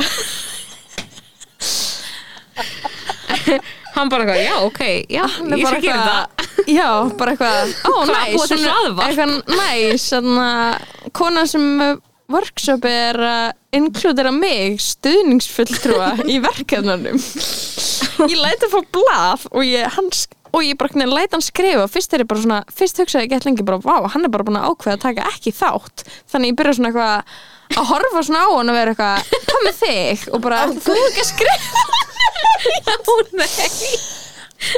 þetta er náttúrulega bara Öst, ég var og ég er ekki eins og með eða þess, ég er ekki eins og með auðlótt lifur þessu ég fó bara svona nokkur sinnum í hlátuskast en mál var að það var Anna Bekkur sem ég var sinna að kenna sem var líka með stuðningsfulltrúa og ég var eitthvað er þetta úlingur? samt vi- var ég búin að komast að hinn væri ekki úlingur en það Hefur fokkaði heitt mig unglinga Já, það fokkaði svo mikið í mér að, að þau sögðu við mig að vera eitt stuðningsfulltrúi þannig að hinn gaurinn sem síðan addaði mér á Facebook og fólkaði mig á Instagram í kjölfarið Oh my god ég held í smá stund væri bara hann er nefnandi svona er þetta ég var næstu búin að gera þetta tvisvar Oh my god Fuck, hvað þetta fynd, það er líka svo fynd hann hafi sagt 16 í tjóki Og þú bara og ég mm, eitthvað Já, oh shit 16 ára ok Hann, er- hann lítið mjög gammal út Æ, Oh my god. og hann var með ókslega gott þarna, ókslega gott pitch fyrir podcast Bara mjög þroskað hugmynd Bara Og ég var eitthvað, þroskað vá. þróaða hugmynd já, já, já, hjálp sko Oh my god, ég vona hann gerir hlaðvarp eftir þess að smiði með það þér. er ekki aðeins pæli Já. í þessu maður Úff. Hann verður bara í byrjun bara, já, það sem að veitti mér innblástur til að byrja með það podcast og þess að æðislega smiðja Já, hjá Lóa Björk en þú veist, já, þarna þú veist, þarna er ég sko og þarna er maður að passa sig að vera ekki þú veist, racist En það er fyndið það- að ykkur punktist þar sem maður er bara orðin heimskur já, En það skilur er, það er skilur þú að búa til gott comedy bara þú ert að búa til jasta skilur ég var að vera þú í ert bara að vera Jösta. algjör jasta já þú veist það er bara þannig sem þetta grín það grínu verið ég til er náttúrulega skilurðu. bara ég er bara þú ert í jasta það er eitthvað mikið að mér það er bara, og þetta er ekki eina dæmið, ég er bara svona ég þarf að fara á alnón fund og fara til þerapista og sálfræðings Já, við þurfum alla að gera það Það ekki. en smá epic líka svolítið gott sko Og einmitt svona eitthvað er þetta samt ekki líka svona smá svona umræðan í dag svona, minnst alltaf vera eitthvað svona að segja við, við okkur svona, ekki spurja ekki spur, nennur ekki að spurja já, já, já. hvaðan, hvaðan ég kem og hvað kom þið henni og að, maður má ekki spurja hann einu þannig að maður er eitthvað hann er maður maður er orðin svo heim maður er orðin svo heimskur ég veit það ég, maður er ekki nógu greinandi til að vera bara eitthvað já, Æ, ég fatti, maður er bara eitthvað og ég líka bara eitthvað eins mikið og ég veit bara eitthvað ég mun aldrei upplifa rasisma skilur við og ég var að taka þetta samtal við fyrirhandi kærastu minn sem er halvasískur og ég var að segja mér finnst ekki allir hlutir sem eru, fólk segir að, sem hvít fólk segir að sé racist að gera mér finnst það ekki endilega racist og hann er bara hvað er að þér af hverju ert þú að taka þann slag og ég er eitthvað, ég veit það ekki en það er kannski, það er kannski smá partur af mig sem svona sympatæsar með karlmennum núna sem eiga bara að þegja og hlusta skilur út af því að ef það er einhver ein geðveik kona sem er bara, þetta er þannig múf þetta þetta er hvern fyrirlitning þá er maður eitthvað svona ef innsæðið þitt skilur ef þú ert eitthvað ágætlega vel upplýstur og ert rétthugsandi og ert feministi og ert karlmaður þá finnst mér að þú alveg meiga að setja spurningamarki við ef það er bara eitthvað bull skiljiði mig mm -hmm. bara, maður þekkir alveg konur sem að er rauninni bara crazy en eru líka feministar Það er ekki en crazy bara erfiðar er, Það er ekki bullies það eru bullies Ef með vandarskoðanir Já, Og Og ég ég var skoðanir, mér finnst það ekki- það er ekki andlega crazy sko en þú veist, ég bara held, nei, ok en allavega eins og Bara þetta- eins og þetta- fávitar. eins og Eða þetta- já. fávitar, það getur já. verið fávitar Já. skilur Það Já. er ekki, þú veist, Það er vanta okkur mest það. PC orð Já. sem það getur Nei, það, er búið alls að ekki cancela PC. PC Það er búið að alls ekki cancela PC. fávitum í dag út af því að það voru notu, það var notu sem Já. fávitahæli en ok, það sem ég ætla að segja er að það er það er, Nei, en ég er bara að segja skilur með crazy skilur Ég er bara svona að segja, ég vil ekki afskrifa það ekki út af því að það sé eitthvað svona eiblist Þetta er bara svona, ég vil ekki afskrifa það sem eitthvað Það er bara crazy skilur það sé eitthvað það er svona bara bullies Já, þetta er bara svona, þetta er miklu meira bara hvað þú, þið langar til þess að hafa stjórn yfir þú fólki getur bulljað þið eitthvað með langar til þess að líða eins og þú mei, þú veist, já, þið langar að nota eitthvað sem vopn gagast annar já, mannskju bara að hafa veppuna þess að feminisma Mhm. þú getur veppuna þess að rasisma á sama hátt og máli er að þú veist, ég vil fyrir mig og fyrir annað kvítt fólk að við séum ekki svona óörug í, gegnum, í kringum rasisma og, og kynþætti yfir höfuð og það er alveg þannig að jú, ég hef aldrei upplifað rasisma og ég get ekki sagt hvernig það er og það er náttúrulega umurlegt þegar það er alltaf verið að spyrja þig hvaðan þú ert það er, ó, það er microaggression og ég ætla ekki að halda neina öðru fram en það er samt líka þannig að það getur komið upp náttúrulega í spjalli Mhm. og það getur bara að vera partur af eðlilegu samtala á milli vina og það er bara þannig og þá ræðið þið umskiluru mömmuna, hvaðan hún er eða, þú veist, ferðið mikið til þessa lands Já. something, það er bara fínt það þýðir ekki að í einhverju ákvöndu samhengi sem er eitthvað svona kalla út á götu sem þekki ekki neitt hvaðan er þú? Ég, þú veist, það er leiðilegt og það er gett dónulegt en þú veist ef, þið- ef þeir eru vinir og þeir fara að ræða málin þú veist ég vona líka bara að þú veist ég veit það ekki, ég vona samt reyndar ekki að þarna að þarna fólk á Íslandi sem er eitthvað erlendubergi broti þurfa eitthvað alltaf að vera að taka rasisma umræðina við vinni sinna en þú veist, kannski væri líka fínt að sína því eitthvað áhuga og ætla eitthvað að standa með vinum sínum, þú veist sem að verða fyrir fordum og, og áriti að vita eitthvað og vi, skilja eitthvað hvernig þeim líður og get þóra að spyrja þau bara, þú veist, er hana, þetta dæmi áðan sem gerðist var það óþægilegt fyrir þig Já, eða þú veist, ég veit það ekki, það er svona Akkurat. við megum heldur Já, ekki já, vera já. bara eitthvað það mikið að lappa á eggshells að ég veit það ekki það er svo mikið, er það ekki svo mikið hluti af þessi sem við vorum að tala um, veist, þetta konflikt is not abuse, þú veist, þessi bók og hvað -hmm. að þú veist, en þú verður líka að vera tilbúin að taka eitthvað samtal og þú veist, það er ekki hægt að einhvern veginn alltaf fara í kringum hlutina skiluru, en þá verður samt líka að vera tilbúin til að einhver segi við þig eitthvað sem vilkast ekki alltaf heyra skiluru, mm einhver sé bara já, þetta var mjög óþægilegt, þú veist, mér finnst bara mjög óþægilegt þeirra, og þá verður líka að geta ekki farið í þitt svona hvíta svona Ég hef alltaf rétt fyrir ég, ég mér. hef alltaf rétt fyrir mér, það má enginn skamma mig Já, ég meinti skilurðu? þetta ekki svona. ég meinti þetta ekki svona og mín meining er herri en þín upplifun þetta dæmi skilur mm en þá verðum að vera tilbúin til að vera bara, já, ok ég ætla bara að læra af þessu eða skilur, er það ekki eitthvað svona Jú. já, mm -hmm. að ég myndi seg, vera bara eitthvað sorry, það er rosalega leiðilegt að ég hef gert þetta eða eitthvað skilur, þá held ég að þú komast eitthvað lengra en ef þú ætlar alltaf að bara forðast allar aðstæður Já. skilur, að því að græðir maður ekki smá á því að þú veist, í staðin fyrir að eins og mjög mörgum köllum hefur liðið Mhm. ég ætli, eða, þú veist, þetta er of eldfimt feminismi, þetta dæmi ég bara, allt sem ég segi er rámt I'm gonna stay out of it þannig að græðir maður ekki smá á því að fara inn í það og þegar mann líður óþægilega að spái af hverju það er Mhm. I don't know, ég veit ekki hvað er þarna en þú veist, græðir maður ekki smá á því að þú veist er ekki smá skrítið ef maður á vini sem eru, þú veist brúnir eða svartir eða asískir og maður fer bara að láta eins og það þeir séu það ekki skiljiði mig, þú Já. veist, er það eitthvað endilega út af því að þú veist, væntalega viltu líka að þú sért séður fólk viti hver þú ert þú verður ekki fyrir fordómum og árásum fyrir það en það er svona partur af því hver þú ert skilur við, Einmitt. það er alveg hluti af þér en ég, ég, ég, veit veit það ekki ég veit ekki hvernig þú veist já það er, það er eitthvað svona á milli að þú veist að allt þú veist, ég held að sé að bara- örugglega bara eitthvað svona típa af einhverju microaggression að fólk forðist að, eða horfa, að ég fætti, þú veist sé alltaf bara eitthvað svona ógætla tensi í kringu þig það Mhm. er bara eitthvað Já, það er skrítið það, Mjög skrítið. já, Mér fannst það ógstlega næs hana í kling, kringum Black Lives Matter. Þú veist, það komið sem marg, mörg svona skilabúð út sem voru svo geðveikt konkrétt. Bara fyrir kvitt fólk, bara hvað átt að gera núna. Mhm. Og það var bara eitthvað, og mikið að þið var eitthvað svona, spurðu litaða vinið þína Mhm. hvernig þeim líður og hérna hvort þau hafi upplifað rasisma.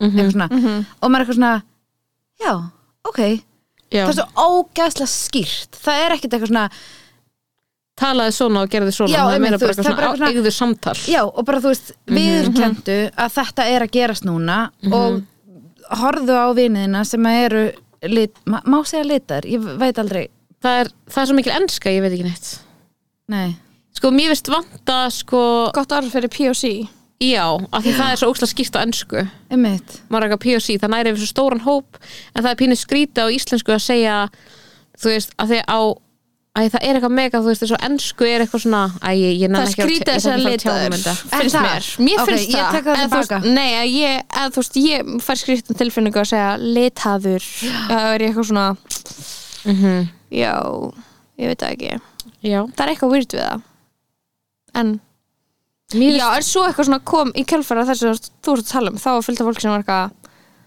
Akkur er eitthvað manneska sem var með mér í high school og senda mér skilabóð já, einmitt, ég er náttúrulega bara ógæðslega mikið að Margar- takla þessu fólki að Já. nóti sem er bara eitthvað, guð, já, engan vin, eitthvað oh, en hann Já, engan svartan vin. Pétur sem að, já já, finnst já, ég veit ekki ég bara elska allt fólk sem er ekki hvítt Að ég pa- eins og í þarna Seaway þáttunum þegar Phoebe Já. Phoebe- þegar hún lætur hún segja I apologize for all racism já, þannig að geði ekki þættir sem eru svo ógísla sem eru ógísla gott dæmi um sko að mér finnst, þú veist þessi vók, þú veist kynnslóð, Mm. skilur líka bara að gefa af sér úrslega gott grín sem að er svona Ali G grín á einhverju öðru leveli eins og við sem er þurfum að Seaway. sýna- við þurfum að sína Seaway já, sem að er þú veist hérna- hún hittir eitthvað hvítt fólk og bara puts it on the spot Já. og er bara eitthvað að gera grín og bara fokast Já. já, og, og, og hún gerði svona þættir sem heitir Beirit þar sem hún fekk einhverja þú veist, vini sína til að koma, svo voru eitthvað komedians í New York eitthvað, Mm. til að koma og bara svona reyna að fá það til að segja eitthvað rasíst það var ógst að Já, fyndi eins og við erum með tvo asiska grínist að vera eitthvað Who do you think has more money? Africa or Asia? og þau eru eitthvað uh, og þau eru asísk og hún er black og þau eru eitthvað Asia, wow, you said that so fast eitthvað það er og það ógæðslega kemur svo fyndið, það er bara alveg tónlist og dú, dú, G-level dú. ógæðslega fyndið You think Asia is better than Africa já, og er ógeðslega allt fyndið. bara eitthvað svona hún gerði Já. þetta líka, þú veist, í COVID þá var hún bara eitthvað á Instagram live með alls svona fólki sem að sko er bara eitthvað svona frægum aktivistum hann hvað heitir gælan annan Rose McGowan sem að startaði Me Too og eitthvað Já, og hún talaði við einhverju gælu sem er svona hvít svona Instagram influencer sem reyndist vera algjör svikari Mm. Já, hvernig Já, var hún talað um? Caroline Calloway Caroline Calloway þar sem að hún var bara eitthvað svona sp- þú veist, að tala við þetta fólk og þetta fólk er skilur þú eru ekki að segja neitt rá Já. og það er bara með, líf með svarta gellu Já. í, í kamerunni og hún er bara well, þú veist, og hún er in charge skilur Já.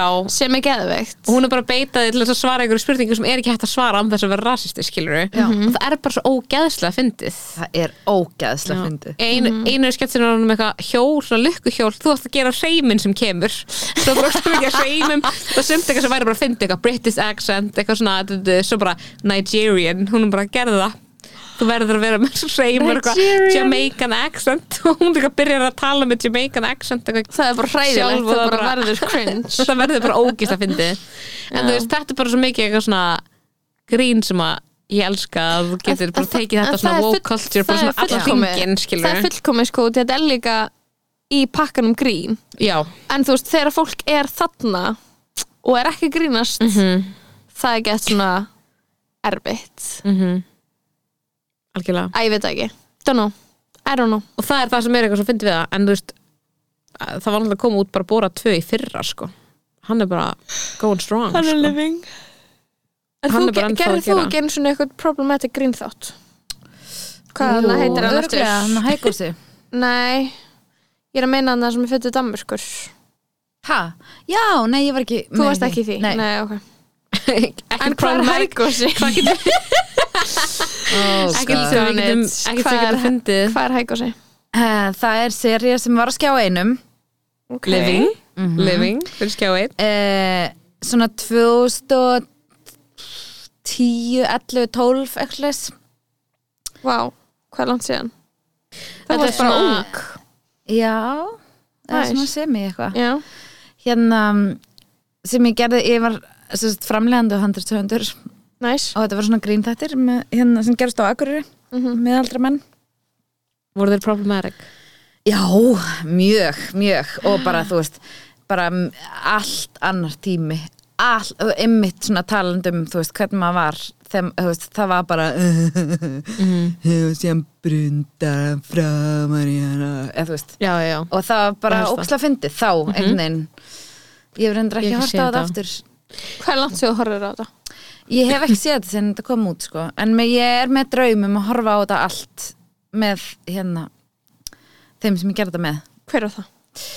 uh, Baldrun Seta og Mhm. Arnur Pálmi og Heiðar Mar og síðan a- skrifa Anna Svafa eina seríu með okkur Mm Hægósi, já Mhm. þetta er smá tíumblina sem ég horfði ekki að sjónvarp skiljum við Já, hana, þegar ég var same, svona ég var í 19 ára og ég var menntaskóla. bara eitthvað Já, emmitt ég Já, bara var horfa eitthvað þessir som- okk já, Þetta var alveg bara svona kom út á DFFD Já. og var til sölu í Eymundsson oh my god. eitthvað já, svona. ég sé fyrir mér coverið sko. já, já, já ég er emmitt svona sé það ljóslegandi sko Já, En ég þetta hef ekki var eitthvað séð svona þetta. einhver tíma sem ég var ekki að horfa á sjónvarsefni íslenskt efni sem kom út skilji mm -hmm. ég var eitthvað svona einhverjum ótrá Mhm.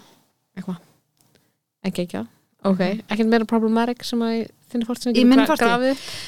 þú veist í uppíslandshópi bara konum Það var Já. það það er var bara nú að- feminazi brandara Já, reyndar hann að ég sér hérna ég man ég horfði síðan einhvern veginn á þessa heimildamynd já hvað heitir hún aftur uppistand stelpur örgla bara já ok nú er og þ- það. eða svona ég horfði á hana svona Living. sjö árum síðar eða eitthvað já og þá var ég bara fucking toxic pía sem ég var þá, ég var bara feminismi, ég veit það ekki ég hef nú aldrei upplifað neitt sko eða þú veist, aldrei, eða þú veist, ég er bara góð sko ég er bara góð, bara svona uh, Varst að segja þetta? já, Varstu og bara sem var cringe? bara svona talking heads, þú veist, bara klift saman alla stelpunum með geðveikt góð teik og var bara eitthvað það er bara mikilvægt að þú veist hérna, að viðurkenna að það er misrétt og ég var bara "Eða, þú veist, ég veit það ekki, ég á bara mjög fína strákaðinni sko, þú veist, þeir eru bara mjög fína One of sko. the boys svona, já ok living ég ætla að horfa á þetta aftur með þessum glerum ég ætla að horfa á þetta aftur ég horfði á hana þegar við vorum byrja uppstandi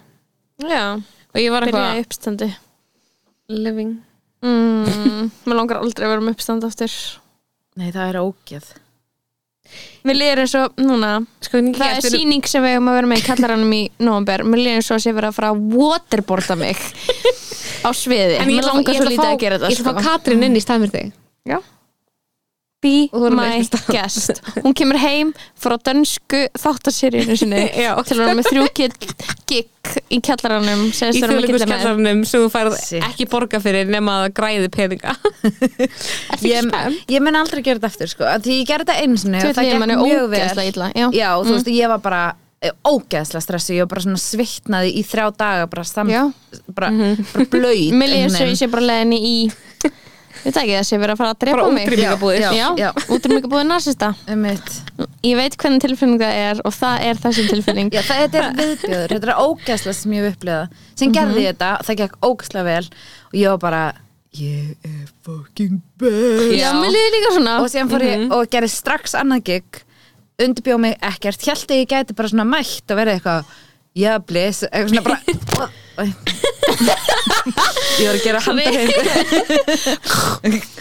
og, og bara svona það var ógeð og bara svona algjör þögn og bara svona þú veist, og ég vissi ekkert hvað ég var að fara að segja þú veist, ég var bara einhvern veginn Í, dreftu mig með allt og mikið sjálfströst og bara eitthvað svona e- út af þessu eina skipti og þá var ég bara, ég ger þetta aldrei aftur Oh my my god. god það er ekki til bara tilfinning það er ekki til betri Já. tilfinning en að Ganga vel, ganga vel Nei. Ég og veit ekki ekkert verra hvað- heldur en já. að vera high on life og vera eitthvað er ég mögulega meistari og koma síðan að því að maður er það ekki Maður er grindaskertur já, í rauninni Mm-hmm. og vanhæfur Mm-hmm. og ég bara, ég hætti þetta svo mikið sko. en þú veist en I Þú don't mæt- know Þú mætir hann í Ég er kjallaranum búin að skrifa undir eitthvað samning til að gera þetta Þú, Já. hvenær? Ha, ég sk- hitti forsvarsmann kellarans í þjóðleikurskjallaranum og skrifaði undir samning að þessi síning gerði haldin nema að vera náttúruhamfarir Það urði náttúrulega hann fyrir Já, ég veit, en það- hún, hún verður ekki í haust Það verður ekki COVID í haust Já. nema vonandi Þetta er gig sem átti að vera í janúar 2020 Já. Eða er það ekki? Nei, það átti Lóa að er það vera hér með að auglýsa það fyrir hlustendur að það Þeir eru vera að gig spennt fyrir í að mæta nóvemberinn. á Lóu Ef þið viljið sjá mig rofna Æ, síðan verður maður bara að sjóinni gera Lóa svona Björk Rofnar Ég man þau þegar, þess, Já. eða, þegar ég baðum að vera í þessu Þeir eru grátbað podcasti eftir fjögur glöss Já, po já Hérna- podcastið, já þá var ég mjög spennt en síðan þegar þú spurði mig hvort ég vildi actually koma þá var ég bara nei og þá allt í hennu Ég var í sjokki. að því síðan var ég í berjamá eftir það held ég og þá var ég eitthvað svona að hlusta á podcastið og þá var ég að tala um hann ástin og legumarkaðurinn Já, Já, sem að ég fór, í, það er eina annað podcasti sem ég hef farið í já held ég. ok, geðveikt. og, það var, og þá var ég svo hérna eitthvað svona hæpuð og aðtiklisjúk og g- geðsjúk og ég, var ba- það var bara ég og ugla og ég saði svo mikið að einhverju ógeði sem bara svona, mm, Varstu hættum við undir reynin að láta þið segja eitthvað svona ógislegt nei ég var hrædd um að ég myndi svona gera það til þess að reyna að vera jafn, svona, Ske- já. Mhm, skemmtilega og þig en mér finnst- þú ég, er mjög skemmtileg já, ég er Já. ekki búin að segja Við erum neitt ekki búin um búin að að halda halda aftur aftur af þess þér. þetta. nei, nei, Búin að vera bara eitthvað langað að segja eitthvað ógeð Þú náttúrulega seg, Ég get put, put you on the spot ok Í lo, lokinu þáttanum ég elska put people on the spot Já. í lokin Nei, bara svona almennt Já, eins og þegar ég ok. gerði við snor, snorra í skoðanabræðurum þegar ég var eitthvað, manstu þetta því? Þú sagðir akkur þetta hættur að tala um eftir einhvern veginn kæristu Já, og svo sagði ég þú getur ekki að stelpu vinkonur eitthvað ég var bara hérna og hann, Ok, það var bara geðveikt. þögn og það var Já. allir bara "Ah." það var geðið Það var æði Já, þú varst náttúrulega þú varst að hérna, gefa mér life Ég var advice þessa. á mikka æ, ég, öða, lóa ok, Manstu ekki eftir því? Veist ekki hvað ég er að tala um? jú, jú Þegar þegar Katrín sagði við mig að Hvað sagði þarna að enginn sem vildi græða peninga myndi fjárfesta í mér og ég ætti bara að vera Hmm. fátæk listakona og ekki reyna að þarna gera sjónvastætti fyrir stöð 2 Ég er sammála þessu Já, ég er enda líka sammála þessu Að Ég hún man ekki sagði- eftir að ég hafa var í- sagt ég var í svona þetta, ég er regn- ég sammála var í þessu regnjakka út af því að það var rigning úti og hún sagði, sjáðu þú og benti svona fötu mín þetta selur ekki pening þetta, græ- þú, þetta selur ekki það er ekki hægt að græða pening á þessu Nei, en það er hægt að búa til list og ég var bara, ég var að bömmur í svona tvo daga Æ, Ah. og svo var ég bara, vá hún hefur rámt fyrir sér Mér finnst það var rétt fyrir sér hún hefur svo rámt fyrir sér, ég er með sjónvastátt fyrir stöð 2, þar sem ég er í honum It, Ja. it's been done ég er að fara að gera það ég er að taka, hann- ég er að fara að taka hann upp í næsta mánuði Ég ég var held- eitthvað, well ég held að það kemur sem ég ljós. hefði og hann verður óvinnsæl en hann verður góður Já, Hann verður góður af því þú er listakona já, þetta verður hann Skilurðu? góður allt sem ég gera er gott, skilur ég veit það alveg og ég var bara já, ég trúi því og ég held að það sé ekki lengur þannig að þú þurfur að vera Ragnhildur Steinun til þess að með að vera kona í ok, sjónvarpsæti það var náttúrulega engan veginn það sem ég meinti Það sem ég meinti var Þú ert djúpveitur, þú ert gáfuð Mhm.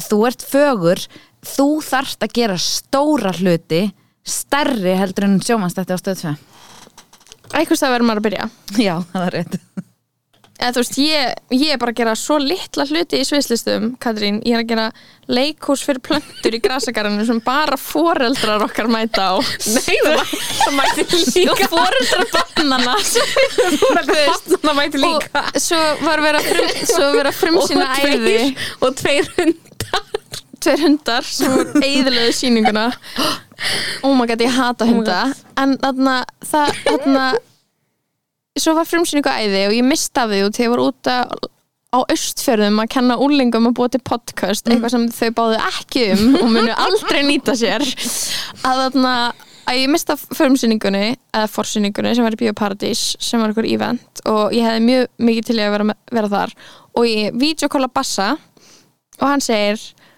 mér langar svo, ég er svo leiður að ég mista af plöntuleikusniðinu og þegar mér langar að sjá þetta og sjá hvað þetta er mikið skam og, og ég var bara ég, og ég og ég var bara þetta er skam þetta er þetta skam þetta er eitthvað þetta er mesta skam í heiminum plöntuleikus í grasakarinum I was red red to death Vá Pældi ég að hann hefði komið og, og bara hann væri hann, Og hann hann hefði myndi verið bara eyðileggja sýn- kakar. það væri sýningin bassi að sjá þetta leikrit og segja okkur og, Og vera segja bara, okkur hvað það er uh-uh. mikið skam þetta er skam Það er skam Ég elska líka bara að skama hvern bara okkur sjálfar eða eitthvað bara hvern áhörfundur væntalega plönduna bara engin var eins og að borga pening fyrir þetta var ókipis en samt skam Vá ég ætla bara að gera Ég pissaði smá á mig sko En það er, það er alveg miðelt þetta stóra sem ég er að fara að gera það er að fara að vera þáttökuleikús með pólska stuðningsfulltrúanum á fóskursfyrði Oh my god ég og hann, við kynnumst, það er leikriti Upplifin að ég þóra að spyrja hann óþægilega spurninga Vá jæja, já, já. þetta var þetta var flott, Búið ræði þetta er búið að vera æði hvað ert þú að fara að gera núna, Katrín? Um, ég veit það ekki Já, klukkan er bara tíu klukkan nóttin er tíu. ung Nóttin er ung á þessum sko þriði degi heldur betur Oh my god, heyrðu, þetta búið að vera geðið gaman Herðu, mjög Hátíð? gaman Ég átti svona moment þegar hérna, þið voru bara að tala og þá hugsaði ég bara það er eins og ég sé að stjórna að þið séu bara að tala um hluti sem mig langar að heyra ykkur tala um og ég sé bara að sitja þetta og hlusta podcastum Mér leiði þess að þú væri bara að fá live podcast á, á tímapunkti Já. þá var þetta smá back and forth Já, sko. mér finnst ég, það mjög skemmtilega ég er mjög ánúð að þú komst aftur inn Já, Ég er hérna bara hérna Svo umrætt Klappa fyrir því umlegt Ok, sorry, sorry, segð eitthvað annað um, Ég bara hérna elska aðeinsbrestur á lóksti Herðu, og mér langar Segðu segðu mér Ég það gerði wah, wah, wah Mér langar bara að segja hérna, ég var að segja vinkunum minni sundi á hana, ég var að fara í podcastið og hún sagði, já, er það hana podcastið hana aðtiklisbrestur að lokast þig? Já, á, þessu var það Það er lokar ykkur stík sem, já, það er ykkur ekki sem sætt? heldur Oh það my Jú, God, á það er loka ógeðslega sætt. stík Já. Já sem við búum á lokastík saman og erum Já. aðeinsprest það Nú verður bara, ekki unna já, undir hvað er súð búum undir súð á lokastík living Ég býð undir súð Ó, á ég- loka stík það er svona einhver alternat líf sem ég verði til að eiga skilur mm Mhm. -hmm. það er bara gett Ó, næs Já, undir súð á lokastík með lóu indislegt. bara æði Bara meðvirkni og Alan One fundir og eitthvað terapía Fullt af, fullt af svona turmerik latte Ég fekk mig þannig í morgun til til að að láta mig lifa betur. búa með stelpu Ég veit að það er æði að búa með stelpu og það er stemma. ógeðslegt að búa með karlmönnum já það er ok Það er Þetta er að eina sem andjöks Þetta er að eina sem ég, þú veist, ég veit að í rauninni þá eru þeir fórnarlömb í dag sko að ykkur leiti, þeir eru, þær eru að fá hérna smá, það er smá svona erfitt að vera karlmaður í dag Já, já. en ég mun aldrei hægt að segja að það er ógeðslegt að búa með þeim Ég skil ekki hvernig Þeir eru það margir svo er að gera þetta. ógeðslegir ég veit það Já. ekki ég veit ekki hvernig kemst Það sem í daginn dettur í huga að gera Já,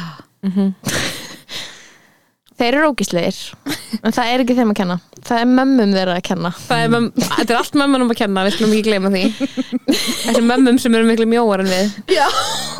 það er alveg umlagt já. Það er bara eitt, eitt sem ég ætla að gera fyrir þrítust það er að vera mjó mamma mjóast að mamma í heimi I love it Mhm.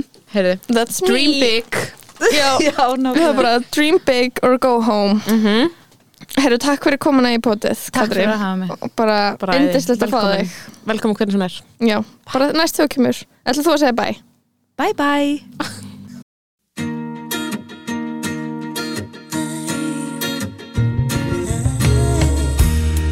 There is freedom within. There is freedom without. Trying to catch the days in a paper cup. There's a battle ahead. Many battles are lost, but you never us to the end of the road while you're traveling with me. Hey now, hey now, don't dream it's over. Hey now, hey now, when the world comes in, they come, they come to build a wall between us, and we know they won't win. Now I'm towing my car. There's a hole in the roof. My position the cause of my suspicion, but there's no proof.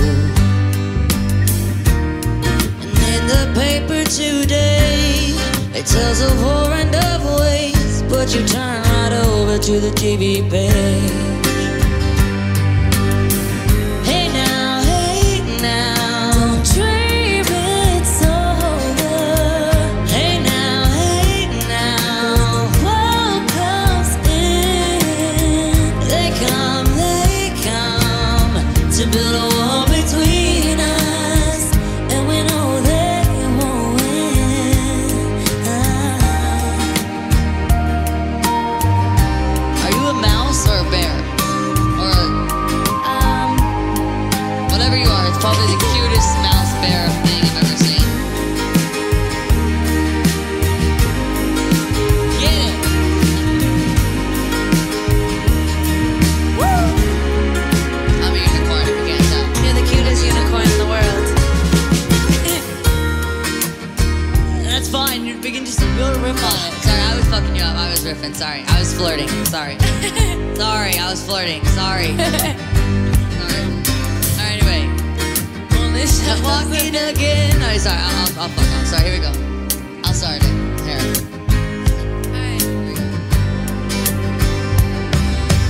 go. Now I'm walking ahead to the beat of a drum, and I'm counting the steps to the door of your heart. Only shadows ahead, barely clearing the roof. Get to know the feeling of liberation and